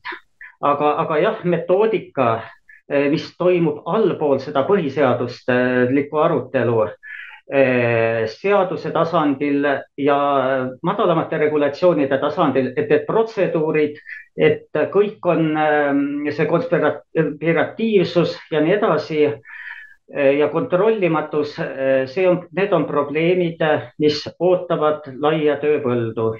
aitäh teile jah, tänud, et enne kui ma annan siis Harrile üle küsimuste esitamiseks, ma tahaksin ise küsida seda, kui nüüd paar nädalat tagasi Mart Kallas saatis mulle siis dokumendid, mis oli saadud siis Soomest. Soomes oli siis riigi siis selline loodud grupp, mis tegi siis analüüsi interneti hääletuse osas ja see, sellest paberilt on ilusti lugeda, et, et need riskid on suuremad, kui on see kasutegur, et Soome ei näe võimalust, et võtta seda kasu, seda kasutusele. et liiga lihtne on nüüd mõjutada ja liiga suur, ütleme selline tahe on võimul oleval parteil seda hakata ära kasutama ja siis nemad lükkasid tagasi, et nad seda ei kasuta. kas ma saan õieti aru, et eh, teie MTÜ teeb põhimõtteliselt samat asja, teeb eh, nüüd kontrolli selle üle, kas, kas seda saab üldse kasutada, seda meetodit, kas ma sain õieti aru? jah ja ei, võrreldes selle kirjeldusega Soome tegevusest. mina, ma saan praegu rääkida ainult enda ühe kolmanda, ühe kolmandiku ehk iseenda arusaamisest sellest teemast, kuna me ei ole seda nii-öelda ühingu raames kokku leppinud, meil ei ole sel teemal diskussiooni olnud. Aga, aga mina näen seda nii, et esimene asi on seesama, see logide ja hääletuse kulgemise reaalajas avalikustamine, kättesaadavaks tegemine, et noh, siin tuleb leida eh, kõige parem tee milliseid andmeid võivad ainult vaatlejad näha ja milliseid andmeid võib igaüks telekast või, või veebilehelt vaadata seal, et noh, siin tuleb mingi niisugune kompromiss kusagil piirjoon tõmmata. Nii, ja teine, teine asi, mida ma ka kaks tuhat üheksateist aasta töögrupis pakkusin rakendamiseks, on noh, see end-to-end verifiability ehk äh, algusest lõpuni kontrollitavuse kontseptsioon. vaat see on jälle, et miks äh, Eesti selle valimiste e-hääletuse korraldajate hinnangul seda ei saa rakendada, on seepärast, et siis saab inimene oma häält müüa, kui ta saab tõendada. ma, ma juba tõin välja, et kuidas seda oma hääle müümist eh, tuleks kõigepealt riskianalüüs selle suhtes teha, et milline probleem see on, et kas see on pseudoprobleem või see on reaalne probleem ja milliste mõjudega. Eh, nii, see tähendab, et eh, see algusest lõpuni kontrollitavuse kontseptsioon e-hääletuses tähendab siis seda, et igal inimesel on võimalik ise oma hääle jõudmist eh, kokkulugemisele näha, ta saab seda, et iga inimene saab ise seda kontrollida noh, üheks kõige lihtsamaks võimaluseks on igale häälele lisada nii-öelda individuaalne ühekordne koode, noh nagu panga viitenumber, mis kasutatakse ainult ühe häälega kaasa minev ja inimene näeb äh, lõpptulemuses, saab äh, näha, kas lõpptulemuses on see kood olemas ja millise kandidaadiga see seondub ta saab seda kontrollida. nii, teine pool sellest on universaalne kontrollitavus, et valimiste vaatlejad ja muud huvitatud isikud saaksid kontrollida neid samusid äh, logisid ja muid vajalikke andmeid, mis äh, näitab, äh, mis, mis, mis näitab nagu, kuidas öelda, spetsialistile annab tõendust, et anomaaliaid ei ole esinenud, mis seaksid kahtluse alla usaldusväärsuse. aitäh. jah, tänud, et annan Harile, Harri tahtis küsida jah, äh, ma ei tahtnud isegi küsida, ma tahtsin kommenteerida, sest noh, vaadates nüüd Eesti õigusruumi ja, ja kõiki muid selliseid asju, siis ma ütleks, et see on natukene, natukene naiivne lähenemine. sest tehniliselt jah, ma üldse ei ütle, et äh, mehhanismi poolest on sellel asjal jumet ja, ja on põhjendatav ja tehniliselt kõik teostatav. Aga noh, me ei saa siin lähtuda sellest kaugeltki, mida Riigikohus ütleb. sellepärast, kui Riigikohus on teile öeldud, et e-hääletamised on legitiimsed e, e-hääletus on õige e, e-hääletus on kõik täpselt vastab kõikidele ja ei näe mitte mingisugust probleemi, siis muutub kogu see teie eh, kahtlustus ja kogu see teie tegemine ju Riigikohtu lahendi valguses täiesti noh, mõttetuks. sest et eh, praegu lähtume ikkagi sellest, et eh, Eesti Vabariigi põhiseadust, mis on kõikide seaduste alus. seda seadust on väga räigelt rikutud ja, ja siin siin, kui me tahame tõesti hakata rääkima üldse e-hääletusest kui sellisest, siis, siis esimene, esimene samm on põhiseaduse muutmine, mis annab võimaluse e-hääletuse korraldamiseks Eesti riigis. kui seda ei ole, siis, siis tegelikult nojah, ma saan aru ja ma tean seda, et Riigikohus on poliitiliselt kallutatud, ta teeb vastavaid otsuseid riigivõimu kasuks, mitte ei lähtu enam põhiseadusest, sest neid kohtulahendeid on meil täna väga palju. Ja vot sellepärast me ei saagi lähtuda sada protsenti ainult nendest seisukohtadest, mida Riigikohus on, on öelnud. sest kui me võtame nüüd ikka puhtlabaselt, võtame selle põhiseaduse, paneme laua peale ja näidake mulle näpuga, kus on öeldud, et seal saab mitmel päeval hääletada, kus on öeldud seal, et et, et võib mingisuguseid teisi variante või võimalusi ka olla, ei ole. on öeldud, et konkreetselt ühel päeval, ühel kuupäeval ja need on salajased ja kui nad ei ole salajased ja täna nad ei ole salajased, siis nad ei saa olla äh, seadusest tulenevad, seadusele tuginevad. see ei ole, ei ole kindlasti, et kui me praegu võtame selle kõik aluseks, siis me hakkame, siis me hakkamegi täitma ja, ja ellu viima seda agendat, mida, mida liberalistlik maailmakord meie käest ootab. Te ise võtate selle, neelate selle sööda alla ja hakkate selle otsas siplema ja mõtlema, kuidas peaks seda asja eh, kujundama, te hakkate töötama neile alla, et viima ellu täiesti põhiseadusvastast tegevust. selles on küsimus Te võite seda muidugi teha, aga minu meelest on see täpselt nagu, nagu mingisugune vaimne onanism, mis on vilgas, kuid täiesti viljatu tegevus. kui me räägime õigusriigist kui sellisest, siis kõikide seaduste aluseks on põhiseadus. sellest me ei saa üle ega ümber ja muide, tegelikult ega see ongi Eesti probleem. väga paljud sellised isaalganduslikud grupid võtavad kätte, tahavad midagi teha, hakkavad hirmsalt suure raginaga pihta, aga saamata üldse aru, et see nende tegevus ei haaku üldise õigusruumiga, mida meie riigi seadused täna võimaldavad ja, ja lubavad teha. et aitäh. jah, tänud, et äh, muidugi, muidugi tahan seda mainida, et äh, me oleme nõus tegema koostööd äh, kõigiga, kes on siis äh, oma ala eksperdid ja kellel on vastavat infot, nii et äh, äh teie MTÜ-ga me näeme kindlasti, et me saame koostööd teha ja kui teil on vaja lääne meediasse anda edasi siis äh, äh vastavaid dokumente äh,, ütleme, teie arvamusi, siis ma olen kindlasti nõus seda tegema. et igasugune koostöö on minu jaoks on, on teretulnud nii et äh, selge on see, et kui algusest vaadata, et niikuinii midagi muutus, siis ei saagi, aga, aga me peame kõik, kõiki, kõikide pidi äh, kõiki vahendeid kasutama, et äh, vähekenegi muutma seda maailma ja, ja ma ei leia, et teie töö oleks siis täiesti mõttetu, aga, aga noh, jah, me peame realistid olema ja peame nägema, mis see lõpplahendus on, et, et selge on see, et me peame ikkagi selle kõik asja siit riigist välja viima meediasse ja sealtpoolt hakkama sundima kõike seda asja. et äh, siin on järjekorras ootamas siis äh, Mart Kallas. et ja, palun.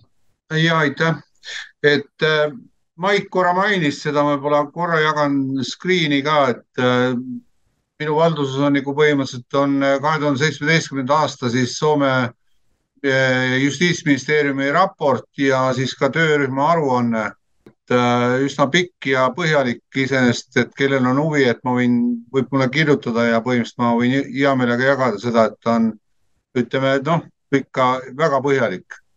et selles suhtes jah, siin on kõik asjad on põhimõtteliselt kirjas, et ma rohkem ei tahtnudki remargina praegu öelda, et ma selle ära saan. Te nägite või ei näinud või? oli näha, ei olnud? oli küll näha. okei okay nii, ma jah, mul rohkem ei olnudki praegu kahe kommentaariks öelda uh,. ei, kus ma tagasi saan siit? noh. oota, all on nupp selle jaoks, jah. ekraan on minu päralt ikka veel või? aa, Job Saare, jah, kõik. nii, Maik. Daniel, mikrofon on sinu. aitäh ja ma vahepeal võib-olla väiksed tehnilised tõrked ja et väga tänan kõiki, kes siin on rääkinud, et äh, siin oli palju juttu õigusruumist. et äh, noh, ütleme nii, et äh, ei taha olla küll oma riigi, riigi suhtes nagu väga kriitiline, aga praegu võiks küll öelda, et meie Eestis nagu õigusruumi praktiliselt nagu polegi või õigusruum talitab oma suva järgi või kellegi suva järgi. ja tahaks rääkida veel valimistest, et äh, miks tuleks e-valimised juba sellepärast ära lõpetada, et kes meile tänasel päeval ütleb, et need ei ole ka manipuleeritud tänase Putini Venemaa poolt sest me teame ju väga hästi, mis partei on, ajab äri Venemaaga ja mis partei liikmed on kunagi tegelenud VEB Fondi äh, ja muud, muude selliste pangaafääridega, me kõik ju seda teame. ja kui nad on äh, nagu nii-öelda nagu Venemaa poolt manipuleeritavad inimesed, siis äh, on ka selge, et Venemaa ei jätaks võimalust ära nagu kasutamata nagu manipuleerida meie valimistega et tegelikult noh, minu jaoks ei ole vandenõuteooria, et äh, mina arvan, et äh, kui Venemaa vähegi saab, ta mõjutab meie valimisi ja ilmselt ta on ka seda teinud. et äh, ja rääkides siis ka ajaloost, et me mäletame, kuidas Konstantin Päts ja Laidoner omal ajal valimised ära lõpetasid, seda siis tehes nagu sõjaväelist nagu riigipööret. Tänapäeval sõjaväelist riigipööret pole vaja teha, kuna e-valimissüsteem võimaldab seda teha veretult aga tegelikult sisu jääb ju samaks, tegelikult me oleme kaotanud sisuliselt omariikluse, sisuliselt otsustusõiguse. seda enam, et kõik igasugused institutsioonid on läinud ka ju Euroopasse, me ju, ju allume, pangandus allub Euroopa Keskpangale, meie kohtusüsteem allub Euroopa jurisdiktsioonile.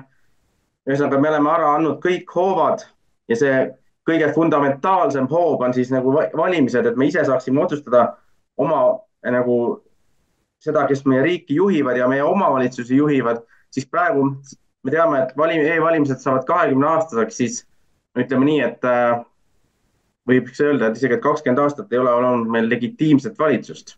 sest kui, kui me saame aru, et praeguses olukorras on ka e-valimised väga ebaturvalised, et kui ebaturvalised nad siis tegelikult olid juba kakskümmend aastat tagasi, mõelda vaid, kaks tuhat viis. noh, et selles mõttes, et äh, siin ütles äh, härra Raudvere meile, et, et mis me teeme, võib olla küll peaga vastu seina jooksmine, aga tegelikult ikkagi on see, et me kuskilt otsast ikkagi peame alustama.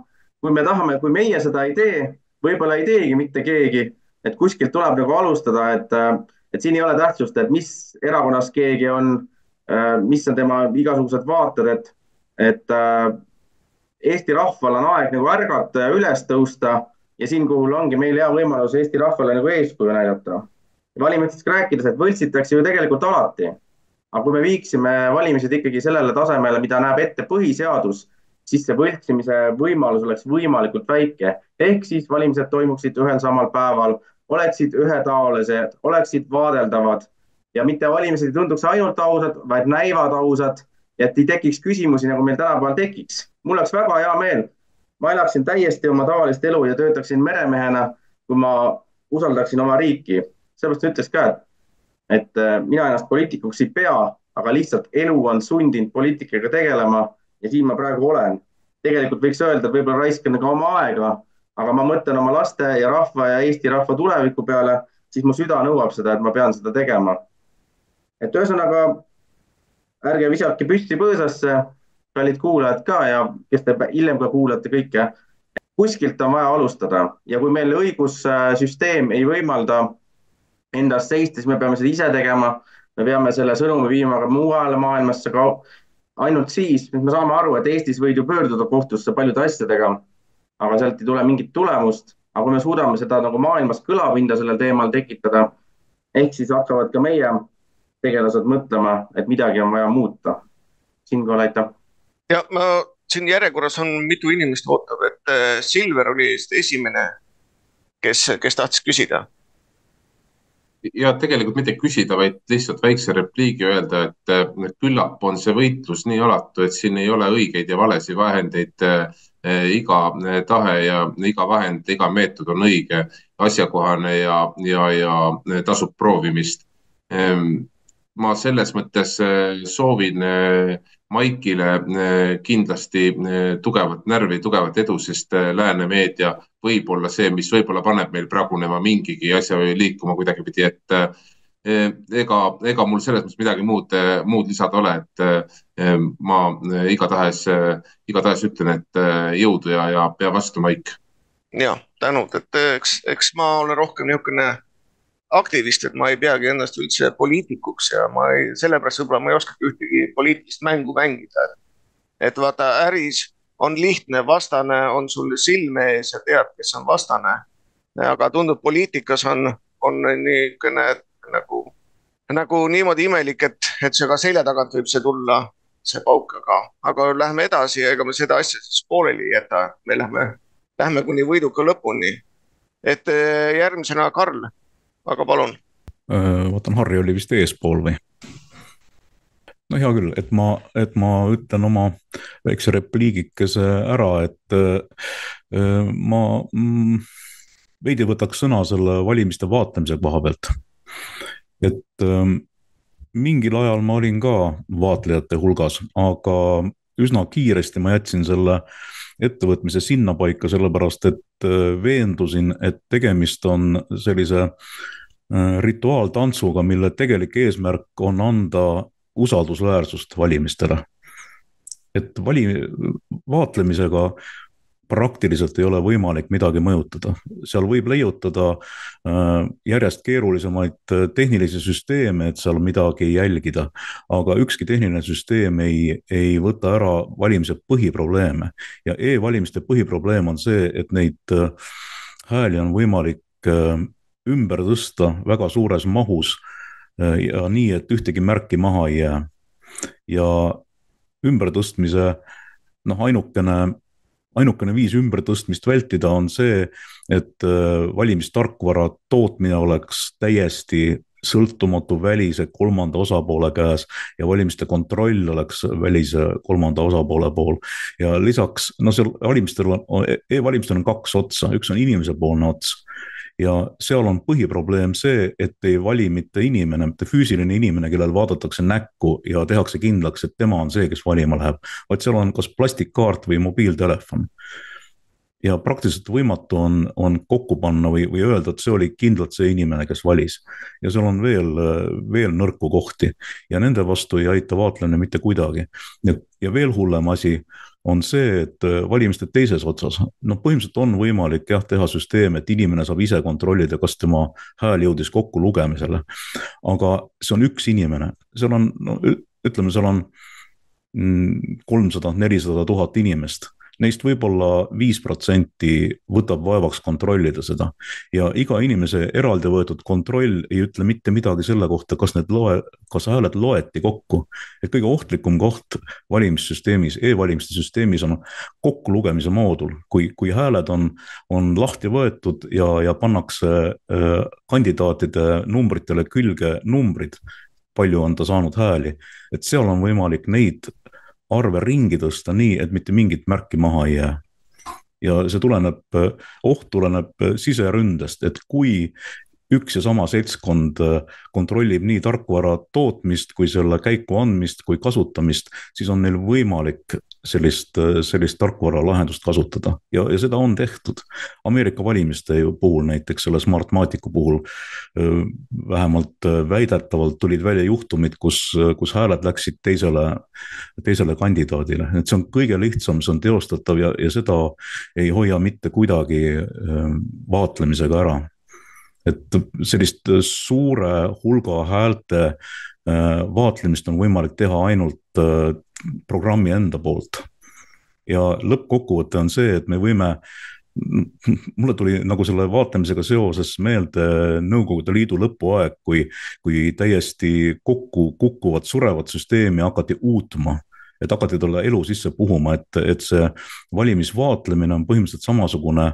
noh, kui nüüd tõesti ei jõuta järeldusele, et, et see vaatlemine ei vii kuskile ja e-valimisi ei tohiks üldse rakendada et kui sellisele järeldusele jõuda, siis see on lihtsalt selle süsteemi elus hoidmine, mille puhul ainukene õige, õige lahendus oleks lihtsalt ära lõpetada just sellel põhimõttel, et teistes riikides on suudetud seda mitte teha, et, et miks, miks peaks, peaks Eestis tohutuid ressursse äh, kulutama selleks, et, et üritada kuidagi elus hoida mingit süsteemi, mis ei saa mitte kunagi olema täiesti usaldusväärne.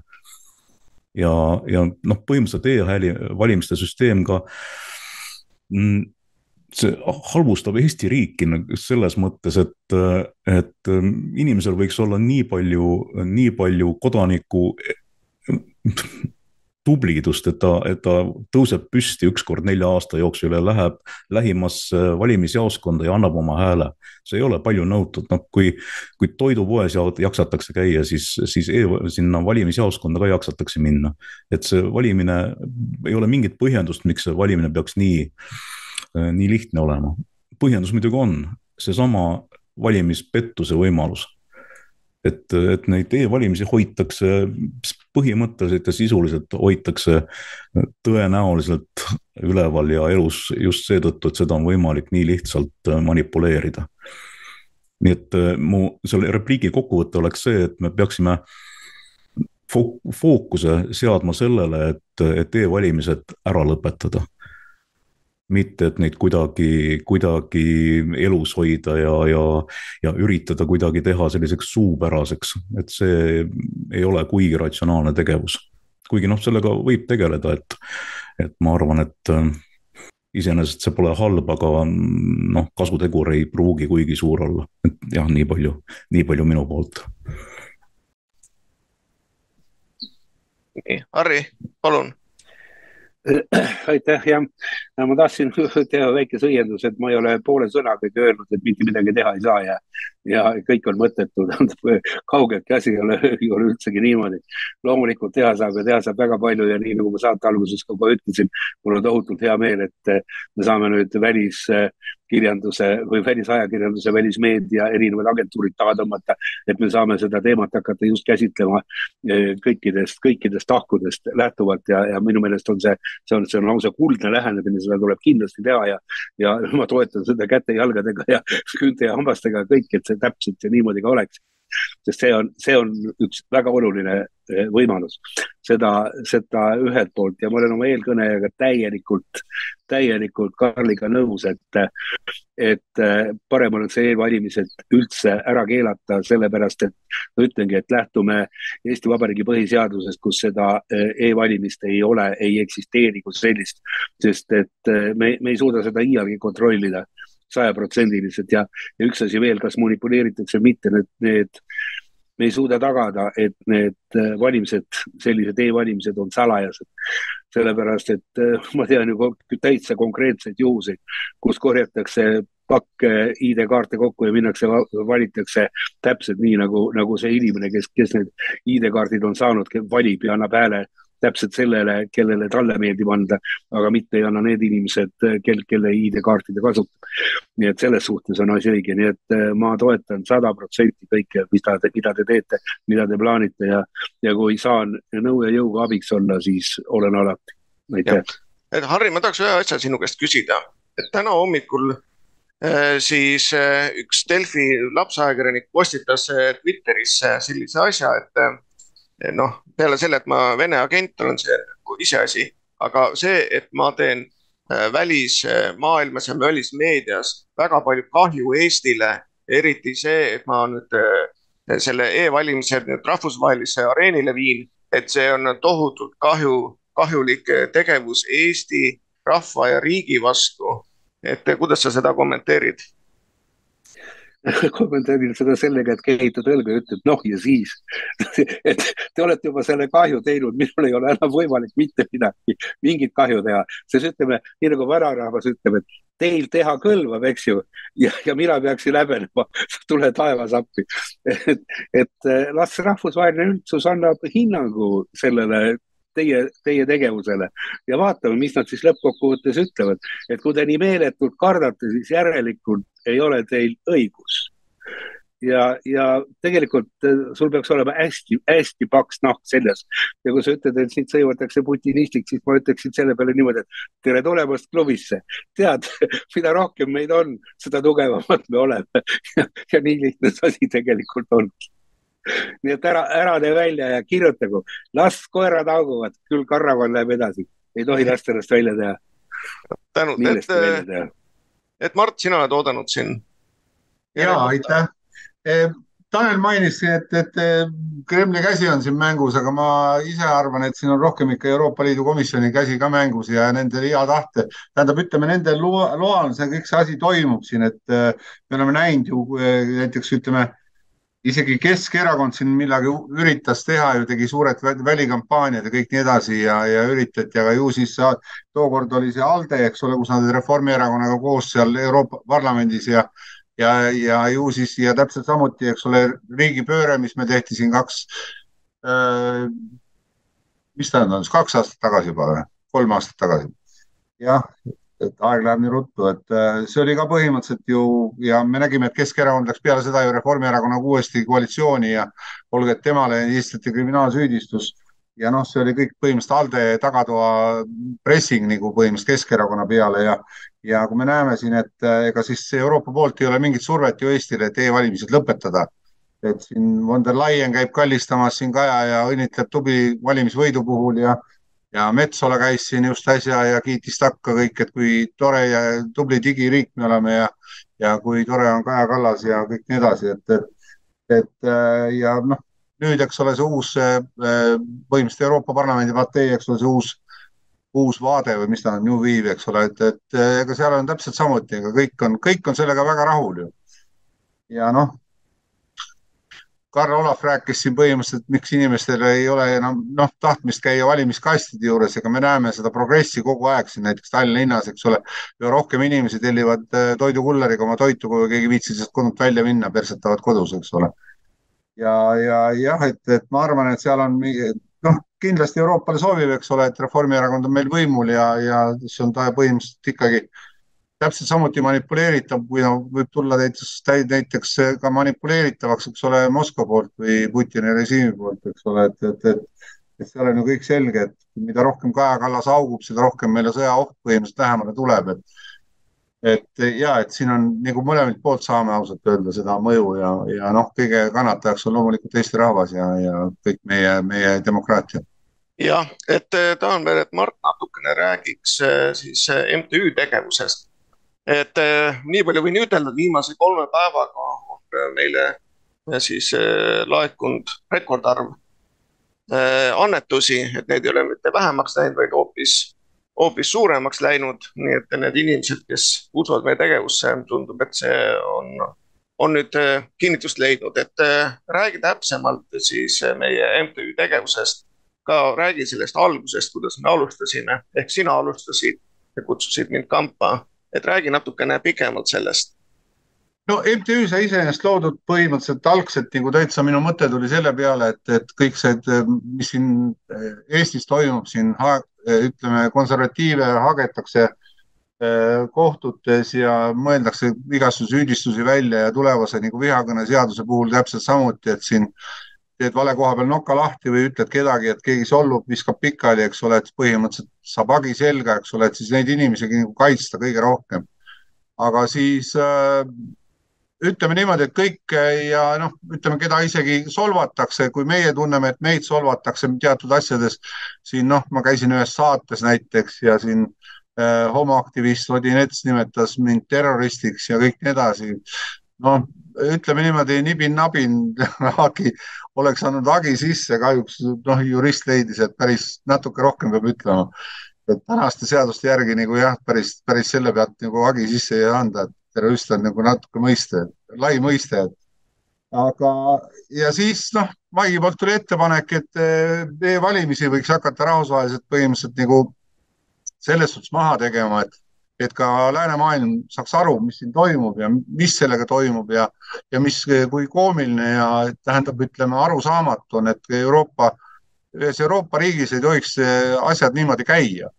ja noh, Maik on seda asja ajanud ja, ja ütlen niimoodi, et annetajaid on ja noh, liigume maagilise kümne tuhande suunas, et kindlasti on valmidus juba praegu võtta vastu teatud avaldusi ja, ja kindlasti ka plaanid on juba valmis ja, ja kõik, kes soovivad nagu selles suhtes abi saada, et külastage konservatiivneeesti.com kodulehte, seal on põhimõtteliselt kõik kontaktid olemas, kuhu kirjutada ja kuhu avaldusi kirjutada ja, ja veel kord olgu öeldud, et ma korra kirjutasin oma sotsiaalmeedia postituses ka, et, et meid ja kindlasti Lehtmet ja, ja MTÜ liikmetel ei ole absoluutselt meie põhikirja järgi isegi noh, me rikuks põhikirja, kui me võtaksime mingit töötasu sealt välja või mida nii edasi.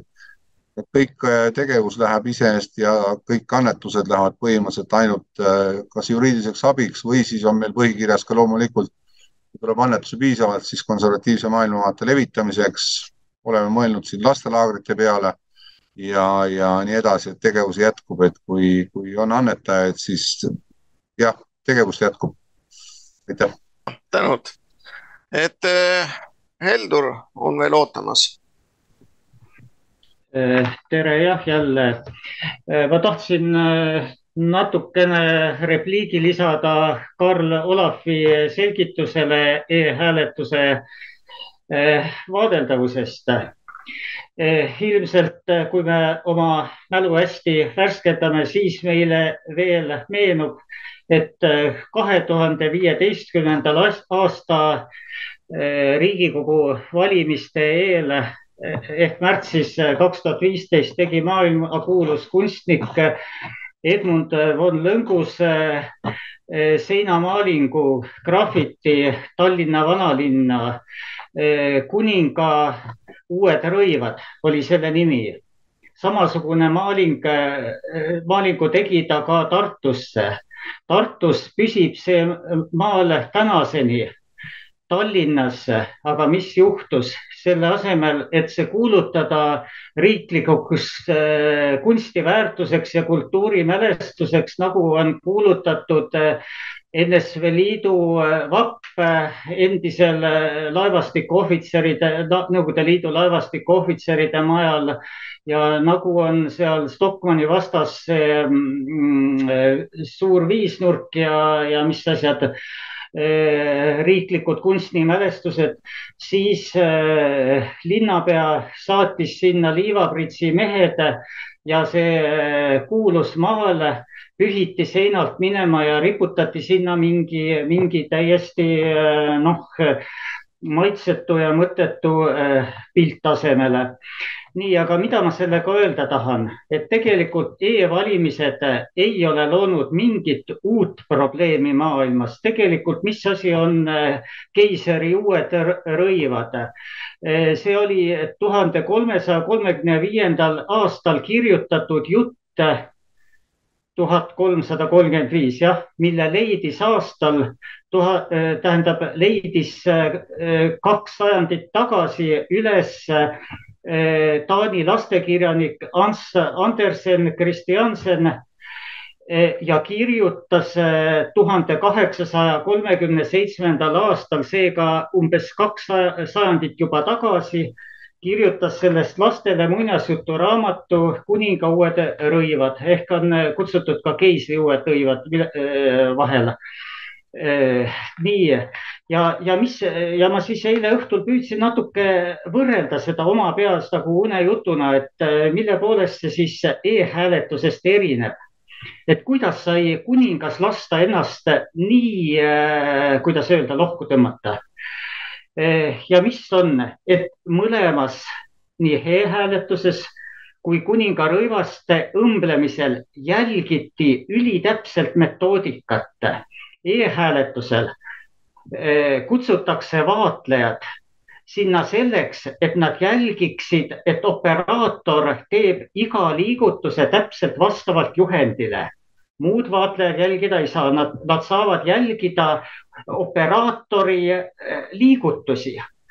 nii, ja nüüd eh, kuninga uute rõivaste muinasjutus oli täpselt seesama asi mm, kuningas ja õukond jälgis, kuidas võeti mõõtusid, kaks rätsepa, kes olid petturid, nemad võtsid kõik mõõdud täites kogu metoodikat, nad liigutasid nõelasid, nad õmblesid täpselt metoodikat sada protsenti jälgides. praeguse süsteemiga, kui saata e-hääletuse audiitorid seda kuninga uute rõivaste õmblemist auditeerima siis nad tuleks tagasi kiitusega et, et sada protsenti oli asi usaldusväärne, ühtegi rikkumist ei toimunud, kõik oli õige ja kuidas, kuidas see muinasjutt lõppes siis? kui see üks laps, kes, kes ei teadnud, et see kuulutatakse, kes kuninga rõivaid ei näe et kuninga rõivaid ei näe need, kes on sobimatud oma ametikohale või on muud pidi ebausaldusväärsed kodanikud, ainult nemad ei näe kuninga rõivaid, aga üks laps ei teadnud seda ja hõikas välja, et kuningas on alasti. Ja kogu rahvas hakkas kaasa hõikama, kuningas on alasti. ja kuningas siis sai aru küll, et ta on alasti aga ta ei saanud seda välja äh, äh, näidata, ta ei saanud midagi muuta, sest see oleks äh, näidanud nõrkust. ta, ta marssis alasti edasi, see kroon peas ja sau käes läbi, läbi linna edasi lõpuni. kuigi ta teadis, et ta on alasti ja ühe, ühesõnaga, see on täpselt sada protsenti kattuv sellega, praegu me marsime ka seal edasi, et meil ei ole ühtegi probleemi. me salgame nad maha, probleemid, metoodika, jälgime täpselt ainult seda protseduuri, mis on tehtud, et äh, direktori allkiri oleks koodil all ja kogu lugu, see ongi vaadeldavus, et selles, selles osas ma olen nagu noh Eh, jällegi Karl Olafiga natukene nõus, aga ma tahtsin selle maali ja selle maali saatuse siia lisada. Eh, Mart Kallase nüüd eh, probleemile või tõstatusele, et noh, see läheb jah, natuke võib-olla poliitikasse, aga, aga samas ta on vältimatu siin käsitlemises selles kontekstis, et kas, kui Euroopa Komisjon või Euroopa toetab nüüd seda Kaja Kallast, siis ei tähenda see, et äh, ta toetaks e-hääletust. ta lihtsalt, äh, vot demokraatias on, eks ju, niisugune põhimõte, et probleemid tuleb ikkagi reeglina tõstatada koha peal. Äh, ja on hea tava, et kui sa lähed või suhtled teise riigi esindajaga siis sa ei hakka talle ütlema mingisuguseid ebaviisakusi ja eh, isegi oma kõige, kuidas öelda, eh, negat-, noh, tülis olevate riikide juhtidega kohtudes ikkagi püütakse mingi kompliment öelda, püütakse olla diplomaatiline aga, aga kuidas Kaja Kallas, ma usun, et see, et mis meie ajakirjandus eh, siin eh, jagab neid pilte, et Kaja Kallas nüüd sellega, Kaja Kallas teisega, Kaja Kallas selfie, et need on tegelikult Kaja Kallase suhtekorraldusbüroo kinni makstud pildid kõik, et need on, kes seal on seal, ma ei tea, Elmar Vaheri abikaasa, Andres Anvelt, kes seal veel olid, ma ei, noh, ma ei tea, kas nad enam täna on seal, aga, aga, aga nad olid seal ja need on nii-öelda kinni makstud suhtekorraldusbürood, kes ajakirjandusse sokutavad nii-öelda spinne lihtsalt, et, et ma ei usu, ma ise alati muigan selle üle, kui öeldakse, et Kallast kaaluti NATO peasekretäriks. no tule appi, NATO ei kaalu äh, kunagi niisugust peasekretäriks samuti on äh, väga küsitav, et äh, isegi see liberaalne allianss kaalub oma esikandidaadiks Kaja Kallast, sest kui inimene siseriiklikult on praktiliselt tooli alul, lauaalune siis äh, see loeb ka midagi, see, see seab keelu, see on hea tava, et nii, niisuguseid inimesi, kes siseriiklikult ei ole austatud, neid ei seata rahvusvahelisele areenile kandidaadiks, see on jällegi tema enda spinn, noh, see on minu niisugune tunnetus, see ei ole teaduslik tõdemus, et, et aga aitäh teile. jah, tänud, et äh, siin oli mõned küsimused ja üks küsimustes oli see, et mida mida ma kavatsen ette võtta nendega, kes on noh, nagu füüsiliselt üritanud siis mind ähvardada. et äh, tegelikult ei saa enne midagi teha, kui konkreetselt midagi pole tehtud. et äh, noh, need on Ameerika seadused, muud sorti ka Eestis teistmoodi ei ole. et kui ei ole konkreetsed inimesed, on, on mingisuguse trollikonto taga, siis ega see, see ei tasu ära. et ootame ikka, kuni keegi konkreetselt teeb. arvutisõdalasi ma olen ennegi näinud, kes on arvutiga kõvad mehed, aga siis kui kokku saavad, siis, siis on väga vaiksed. et kes siin järjekorras nüüd esimene oli, kas Karl oli ennem? anname Karlile et ma teeks jälle väga lühikese repliigi, et see, et see kuninga uute rõivaste analoogia oli, oli hea muidugi, aga äh, mina kasutaks e-valimistega seoses äh, analoogiaks mustkunstietendust et äh, mustkunstietendus on selline tore asi, kus terve saali täis, mõnikord sajad inimesed jälgivad väga hoolega, et mustkunstnik kõike õieti teeks ja et seal mingit valskust ei oleks, nii et kui must kunstnik tõmbab kübarast valge jänese välja, siis on täiesti kindel, et, et see oligi imelugu. ja e-valimiste puhul kasutatakse täpselt sama tehnikat. et tegelikult ei ole ju võimalik, me, me võime vaadata masinat, me võime vaadata neid numbriridasid, mis tulevad ekraani peale, aga mis seal tegelikult toimub, äh, me ei, ei saa teada, kuna sellel ei ole juurdepääsu, et see on puhas mustkunst, mida tehakse. aga nüüd äh, Euroopa Komisjoni ja e-valimiste seosest äh, noh, midagi ei saa tõestada, aga, aga mulle on nagu meelde jäänud see, et äh, nii, et e-valimised tulid meile üsna Euroopa Liidu liikmelisusega samal ajal et äh, kuivõrd nad omavahel seotud on, ähm, ma ei oska öelda, aga, aga mingi seos seal võib olla. et ei ole välistatud, et Eesti valiti riigiks, kus kasutati või katsetati sellist valimiste süsteemi, et kas see läheb läbi ja kas kas see on võimalik. mujal vist väga ei läinud, aga Eestis läks õnneks. et selline repliik oli mul. ja Harri? Jah, ma tahtsin öelda, et ma olen tegelikult Äh, Karliga sada protsenti nõus aga, aga nüüd, mis puutub, et noh, toote nagu sisse, et noh, et vot see on nagu poliitika, see on nagu poliitika, aga poliitikat ei maksa karta.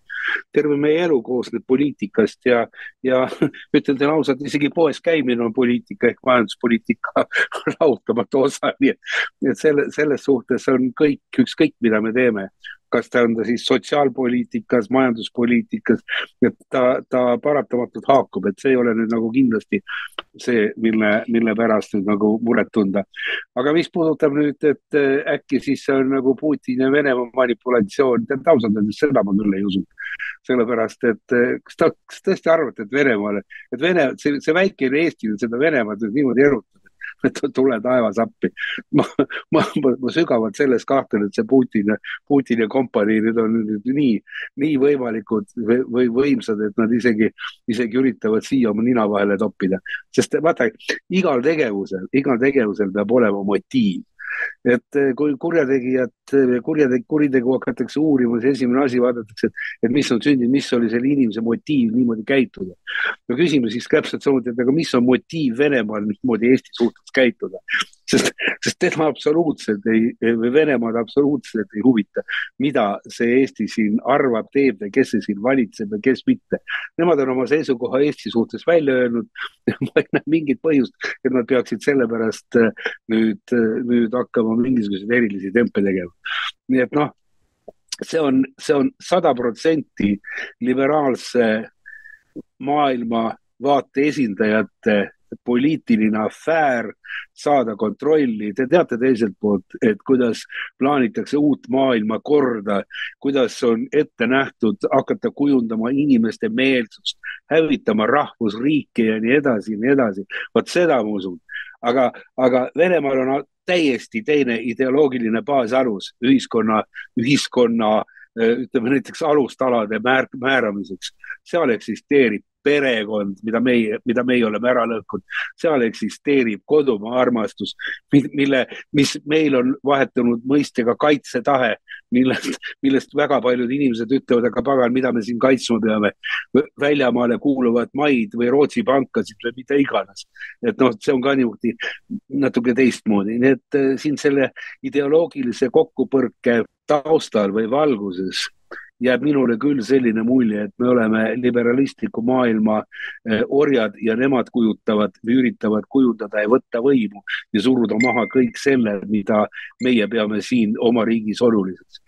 nii et jah, et ma, ma, ma seekord kindlasti Venemaale ei panustaks. aitäh. jah, tänud, et äh, siin on veel tulnud küsimusi, et inimene küsib, et kas ka Euroopa kas Euroopa kohtusse pöördumisel ei ole vajalik eelnevate kohtuastmete läbimine Eestis. et eh, minu teada on küll, aga see kõik oleneb asjadest. et eh, näiteks siin on tulemas Euroopa Parlamendi valimised. Eh, ja seal ei ole kuskil kirjas, et võib kasutada e-valimisi. nii et väga lihtne on siis inimesel, kes kandideerib, see pärastpoole anda ka kohtusse ja noh, muidugi kohtusse andmine peab käima siis meediaga ära saatel. et eh, jah, Harri, tahad lisada? Jah, väikese korras, aga te tehke Euroopa Liidule ettepanek, et las Euroopa Liidu liikmete valimised või Euroopa Liidu sees toimuksid ka e-valimised. et vaata, mis nad selle peale ütlevad, et kas nad aktsepteerivad, plaksutavad vaimustusest, ütlevad, et see on suurepärane idee ja, ja las nad teevad kõikides riikides äh, kohustuslikuks e-valimised, sest et meie oleme siin nüüd nagu alati me ju nimetame, et me oleme siis noh, novaatorid kõikides paremates ja suurepärastes ideedes ja, ja tehke, tehke selline ettepanek, et las Euroopa Liit kehtestab siis kohustuslikus korras kõikidele Euroopa riikidele e-valimised ja vaadake, te tulete koos ukseraamidega toast välja. ma olen surmkindel selles, aitäh. jah, no muidugi tuleb meeles pidada, mida siis eh, Klaus Schwab ütles Davoses, et eh, tema ütles, et eh, tulevikus valimisi polegi vaja, et selle võib ai ära teha et noh, inimest niikuinii ei saa usaldada, ega need inimesed ei tea midagi. nii et ja Venemaa ohu kohta võin seda ütelda, me peame väikses riigis olema targad ja nägema mitte ohtu ainult Venemaa poole peal, vaid suuremalt oht on hoopis lääne ja muude poole pealt ja suurte, suured korporeidid. et kui näiteks siin USA-s on ju silmnähtavalt on see, et riiki valitsevad korporeidid, mitte poliitikud. Noh, siin, siin on muidugi süsteem natuke teine ja siin on ju lobi Eh, on täiesti lubatud, mis suurem osa riikides maailmas ei ole lubatud. Eh, ja BlackRock siis eh, omab siis Street, mis ta, mis ta nüüd, Vanguardi ja siis State Street'i ka. nii et noh, kokkuvõttes on nad suur corporate, kes siis valitseb maailma ja loomulikult nad tahavad ju kõike anastada, et see ongi ju lääne majandusmudeli eesmärk, et on kasv kasv peab kogu aeg tulema, kasv tuleb tavaliselt kellegi teise järgi ja muidugi need Eesti pärismaalased on niisugune magus, magus eh, koht, kust ampsata, et ajada need Eesti inimesed pankrotti ja siis on maavarade äravõtmine. võib-olla jagatakse kellelegi veel eh, niisuguseid tasuta tekke, nii nagu indiaanlastele tehti, et eh, ega siin midagi uut ei ole ja kui, kui siin need eestlased, kes on siis nende käsilased, noh, nad saavadki selle asja siin riigi tuksi keerata, et nii, et me peame ikkagi mõtlema minu arust täielikule iseseisvusele. peame siin lõpetama ära koostöö nendega, keda meil vaja ju näiteks World Health Organization, United Nation. noh, neid ei ole ju tegelikult meil üldse vaja. ja see raha kulutamine sinna ja need ametnike armee, kes seal on, noh, see on, see on täiesti mõttetu, aga see on minu, minu väike niisugune äh, arvamus et äh, anname siis, äh, teeme niimoodi, et igaüks saab veel viis minutit rääkimist ja siis paneme pillid kotti tänaseks, et kahjuks siin Ameerikas ka pühapäeval tuleb tööle minna. ei lasta siin, et kuigi pidi olema nii pudrumäed siin ja raha topitakse otse tasku, aga kahjuks peab ikkagi ikka tööle minema ja ka tööd tegema. et alustame siis Danielist. ja aitäh, ma veel täpsustuseks ütleksin, et Harri siin rääkis, et Venemaa ohust. ma täpsustaks oma repliiki veel endist, et äh, ma ei näe, et oht tuleb ainult sealt, et tegelikult, äh, et e-valimised tuleb ju sellepärast ära kaotada, et võtta ära manipulatsiooni võimalus, ükskõik kust see ka tulla tohiks. vahet pole, kas Euroopa Liidust või Venemaalt või kuskilt kaugelt Ameerika maalt. selge on see, et me elame globaalses maailmas ja me peame ennast nagu kuidagi kaitsma just kõige enam just globalistide eest. ja kui me räägime üldse Euroopa Liidust, siis tegelikult ma ütlen ausalt, ma toetan seda Euroopa Liidu põhiideed, muidugi ma ei lasknud selle teemaga väga laiaks minna. aga ütleme nii, et kui vaatame ajaloost, kus me alustasime Euroopa Liiduga, oli ju tegelikult ju söe ja terase liit. ja siis ju ka mäletame, kuidas rõhutati vanasti, et, et see on puhtalt majanduslik liit, et me ei hakka sisepoliitikasse nagu, nagu sekkuma.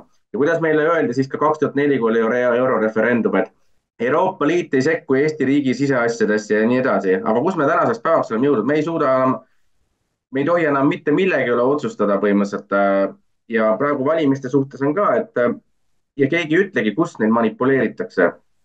et selles mõttes, et äh, kõige parem lahendus on valimise e, e-valimised ära lõpetada, aga seda sisemise surve tagajärjel seda ei juhtu, me peame selle asja viima nagu globaalseks, kui suudame ja loodame, et inimesed kõik jõud Eestis, kõik erakonnad ja rahvas tuleksid sellega kaasa, et kui me seda asja nagu äh,, kuidas öelda, ei aja ainult ühe erakonna aknast, et see peabki olema nagu nii-öelda meie ühine tegevus ja arusaamine, siis ma usun, et äh, sellel tegevusel on ka tulemust. nii et lõpetuseks ma soovin meile jõudu selleks tegevuseks ja ma usun, et meid saadab selles tegevuses edu. jah, tänu, Tanel. et äh, lisan veel siia juurde, et äh, inimesed siin küsivad, et, et noh, et, et kui kähku sellega siis läheb, et mis, mis päevaks siis saab need eh, valimised siis eh, ära lõpetatud. see protsess ei ole niimoodi, et see päevaga toimub. see ei ole ka nii, et kuuga toimib, sellega läheb aega ja veel erinevad astmed läbi et see ei ole nii, et päevapealt, et nüüd, et näita tulemus ette, saada pilt, et enam ei ole. et noh, peate ikkagi natuke mõistlikult võtma seda asja ja, ja noh, niimoodi küsida minu käest, et noh, mis, mis täpselt, mis andmeid teil on, et saada mulle koopia, noh, see on absurd, sellist asja ei hakka kunagi tegema. et ehm, järgmisena annan siis eh, Siglerile viimased sõnad. ja aitäh, Maik, et mm, ma eh, kordan, eh, et kui vaata kunagi e-valimised tulid, oli selle usaldus umbes kakskümmend protsenti, siis täna või tähendab kakskümmend protsenti usaldamatus et siis äh, täna on see protsent juba nelikümmend protsenti, üle neljakümne protsendi, nii nagu ma näitasin. ja see et, et kolmkümmend üheksa protsenti äh, kahtlustavad, kolmkümmend üheksa protsenti rahvast või küsitletutest kahtlustavad äh, nende valimiste puhul võltsimisi või võl, osalist, vähemalt osalist võltsimist, see tegelikult ei ole mitte märk ainult valimissüsteemi nii-öelda usaldusväärsusest, aga seab kogu nii-öelda riigi toimemehhanismi äh, usalduse alla, et eh, see krediit on eh, eh, nii-öelda kadunud ja, ja, ja noh, ma ei tea, millega see päädib või millega see lõpeb, aga selge, et igasugune tegevus selle paljastamiseks, selle tõe esiletoomiseks on väärt tegevus ja, ja, ja loodame ehk, et, et siis see lääne meedia nii-öelda võib-olla surve aitab meid selles võitluses ja, ja jätkame seda võitlust ja pressime edasi.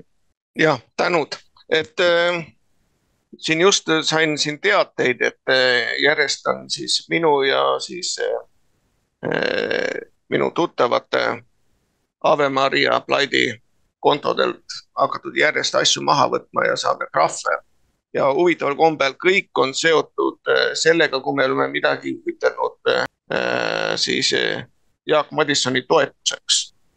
et siin, noh, ma ei saa praegu näidata.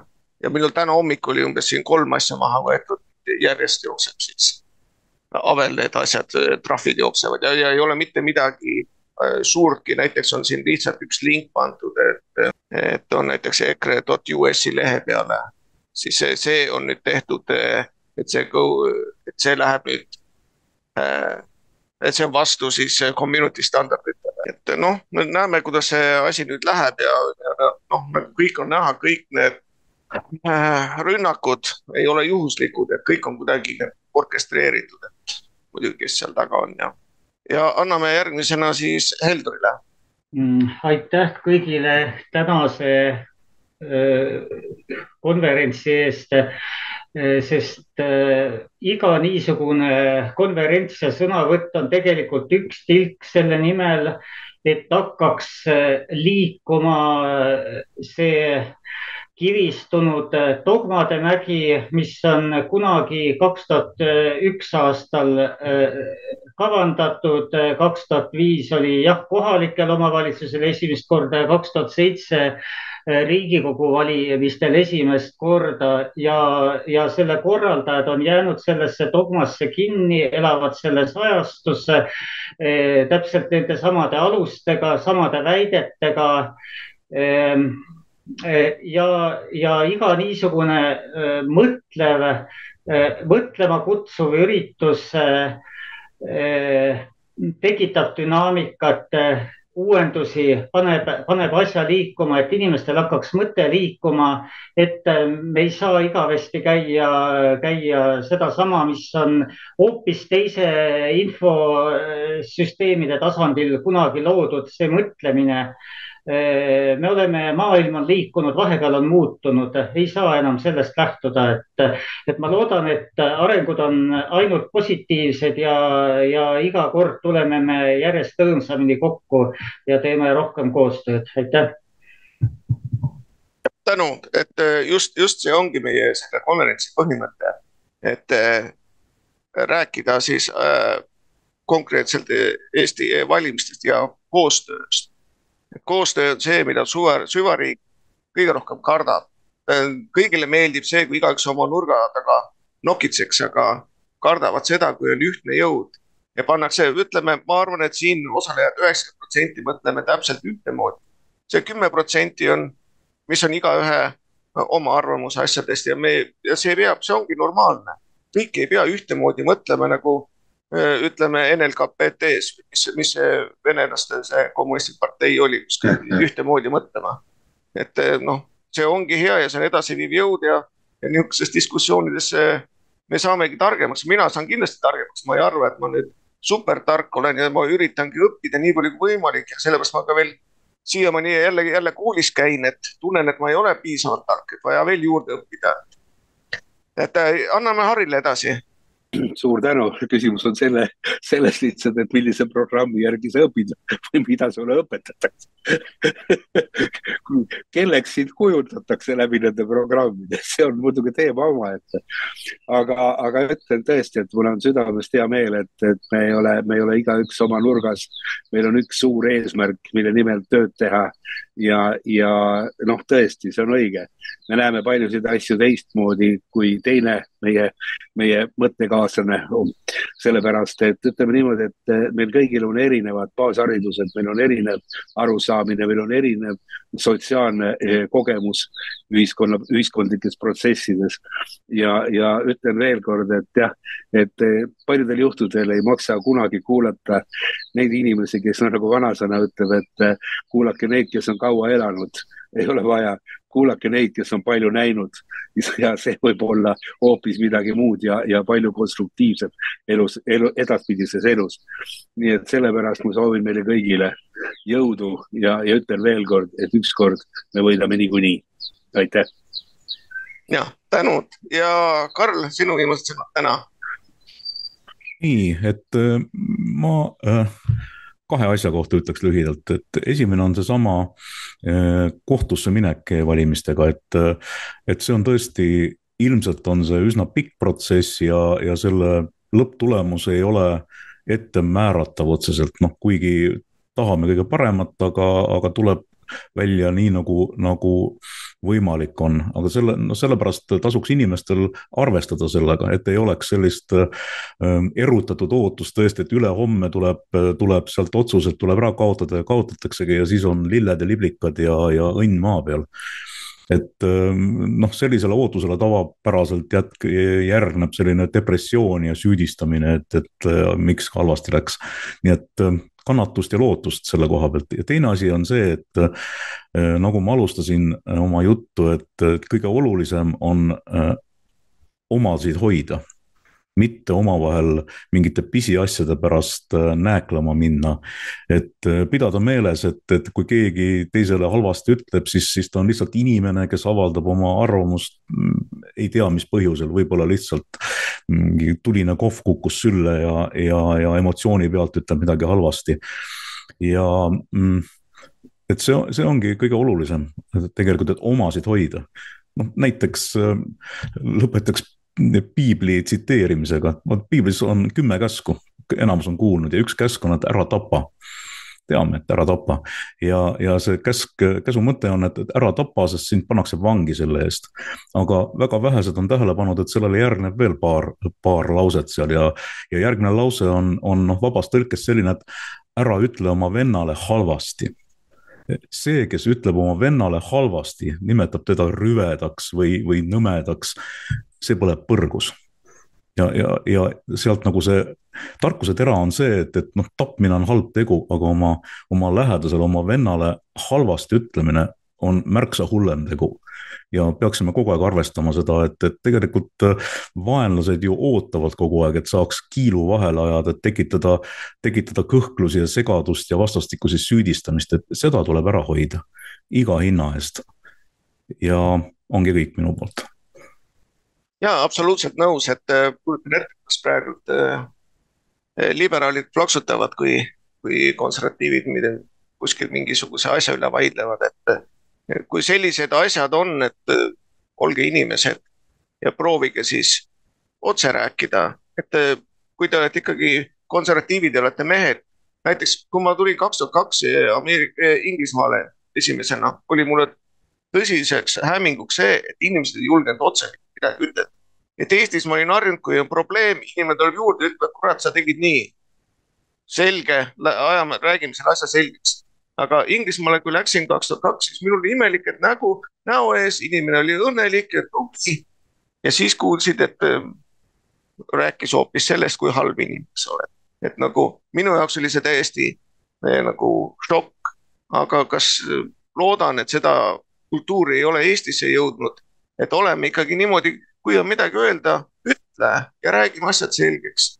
see käib absoluutselt me, mitte minu kohta, vaid kõigi kohta, kõik eh, konservatiivid.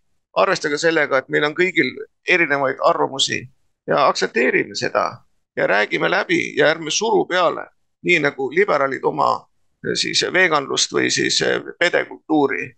et meie arvamus peab ikkagi enne oma, oma arvamus olema. et Silver, sina tahtsid veel midagi lisada? Silver ei tahtnud, et eh, Mart, sinu viimased sõnad. vajuta nupu peale, Mart. nii loodame, et ei ole viimased et äh, ajalugu, ajalugu kipub korduma, et äh, siin tuleb ju kaheteistkümnendal märtsil praktiliselt üheksakümmend aastat tagasi, eks ole, Päts äh, tegi riigipöörde, eks ole, ja põhimõtteliselt keelas ära igasugused valimised ja, ja, ja hakkaski peale põhimõtteliselt vaikiva ajastu, eks ole väike ajastu küll kuulutati välja praktiliselt, eks ole, sügise poole, aga noh, ütleme nende e-valimistega see sinnapoole liigub, et meil varsti võib-olla üldse ei ole mingeid valimisi siin, et ei ole e-valimisi ega tavalisi valimisi ja lihtsalt on, et eh, kahekümne aastaga põhimõtteliselt on ju kinnistatud seda, et eelmistel aastatel on tehtud see kuidagi niimoodi inimestele vastuvõetavaks enam-vähem niimoodi, et eh, noh, on, inimesed on aktsepteerinud seda kuidagi. hea küll, no oli jah niimoodi, et võib-olla tõesti tead, nooremad inimesed, eks ole, valivad seal Reformierakonda, kenamad, ilusad, puhtad ei ole nagu õlletagu või poetagused nagu ekrelased, see on jutumärkides muidugi öeldud. ja, ja, ja sellega on liigutud selle kohta, aga nüüd kahekümne esimesel aastal põhimõtteliselt tehti siis nüüd pandi üle võlli, pandi ikka kõvasti kohe üle võlli ja me näeme, mis Riigikogust toimub, eks ole, mis otsused teeb Riigikohus. Ja, ja võetakse vaikselt seda kõike, kõike seda demokraatiat põhimõtteliselt lämmatatakse ja, ja noh, ma ütlen ausalt, olen natuke pessimistlik selle kõige nagu tuleviku suhtes, et kui see samamoodi jätkub, siis me saame varsti täpselt samasuguse olukorra nagu Päts kehtestas kunagi ja, ja, ja jah, kahjuks niisuguse mitte lõbusa tooniga lõpetaks ja, ja toetage meie üritust, et loodame, et seda ei juhtu ja, kõiki siin tänan südamest tõesti osalemast ja arvamust avaldamast ja ma olen Maiga absoluutselt nõus, et inimesele ja noh, Harriga täpselt samuti, Harri ka mainis seda korra siin, et, et mõtleme ikkagi üheksakümmend protsenti samas suunas kõik. võib-olla mõne väljaütlemisega ei ole päris nõus sada protsenti, aga alati ongi sellised kohad, ongi hea need asjad selgeks vaielda ja, ja, ja lõpuks lõuda kasvõi kompromissini või, või kasvõi võtta midagi kaasa ja, ja vahest isegi näiteks mina olengi teinud oma otsuseid muutnud ja isegi maailmavaadet olen muutnud, kui mulle ilusti korralikult ära seletatakse, miks inimene mõtleb niimoodi mitte ta ei lenda kohe peale, et loll oled lihtsalt ja, ja kõik, et see ei ole mingi argument. Aga ma tänan kõiki ja, ja võitleme edasi, aitäh. jah, tänud, et tänud kõigile, kes siia tulid ja, ja jätkame seda võitlust ja, ja mina jätkan siis võitlust meedia tasandil, välismeedia tasandil, et võib-olla juba inimesed teavad seda, et see ei ole mul esimene kord, ma ju käisin novembris Budapestis, seal olin siis konverentsil, kus oli siis kuussada ütleme, niisugust põhilist konservatiivset poliitikut üle Euroopa ja pidasin siis neile kõne ka siis Eesti e-valimiste suhtes ja peale seda konverentsi oli mul siis ka intervjuud nii Poola televisiooniga, Ungari televisiooniga ja Serbia televisiooniga. et niimoodi, et ma sain täitsa sinna ära tutvustada, mis, mis probleemid meil on ja et selle asjaga on juba pihta hakatud. et kui ma siin rääkisin ka muidugi Vivek Ramasvabiga, Rimme Vivek on siis selline inimene, kes on väga tõenäoliselt Trumpi administratsioonis, kui Trump nüüd võidab. ja rääkisime pikalt ja laialt sellest e-valimistest. temale kusjuures oldi toodud Eestis siis põhimõtteliselt nagu infopakett, mis rääkis, et Eestis on hästi moodne chain bloki süsteemil e-valimised ja kui ma rääkisin, et noh, sellest on see asi väga-väga kaugel ja see on täielik absurd ja rääkisin, kuidas tegelikult toimub. tal oli täiesti suu lahti, noh, ta ütles, et ta ei suuda uskuda, et talle sihukest jama, et ja noh. loomulikult usub mind rohkem kui siis ametlikke niisuguseid propaganda siis esinemisi Eesti riigi poolt ja, ja on selge, et temast tuleb meile kindlasti liitlane, kui Trump võidab, nii et eh, siin on erinevaid variante. ja võin ka ütelda seda, et nüüd eh, viiendal aprillil on mul kohtumine siis eh, Poola presidendiga Andrei Dudaga, kes on väga konservatiivne inimene, väga meiemeelne. ja loomulikult noh, me lähme rohkem sinna toetust avaldama selle konservatiivide siis püüdlustele, mis Poolas praegu toimub, et iga päevaga see aina pinevamaks läheb. et kes, kes teab, mis see Donald Tusk seal teeb, see, see on väga-väga plahvatusohtlik, mis seal on. et täna vist võeti ka üks eh, peakohtunik seal maha kohtus eh, täiesti võltsitud paberitega, nii et eh, tahetakse ju saada täitsa selle kontrolli nüüd ülemkohtu üle Donald Tuski poolt. et ja loomulikult on meil sealt ka siis kohtumine advokaadiga, kes on siis väga kõrgelt soovitatud ja kes võtab meie asja siis ka ette ja kes on ka juba kursis, mis, mis siin Eestis toimub ja on andnud oma heakskiidu, et see asi on tehtav ja see asi on võimalik edasi viia. nii et need protsessid käivad ja ei ole siin niisama rüpes, käed rüpes istumist, vaid ajame ikka ühte ja samat asja ja konservatiivid, ma soovitan, et ühineme. ja ajame ühte asja, et me ei saa ju kunagi, ükski konservatiiv ei saa kunagi võimule selle e-valimistega. et see on selge ja seda peab igaüks aru saama ja see on ühtne siht. nii et nägemist ja tänud, et tulite. aitäh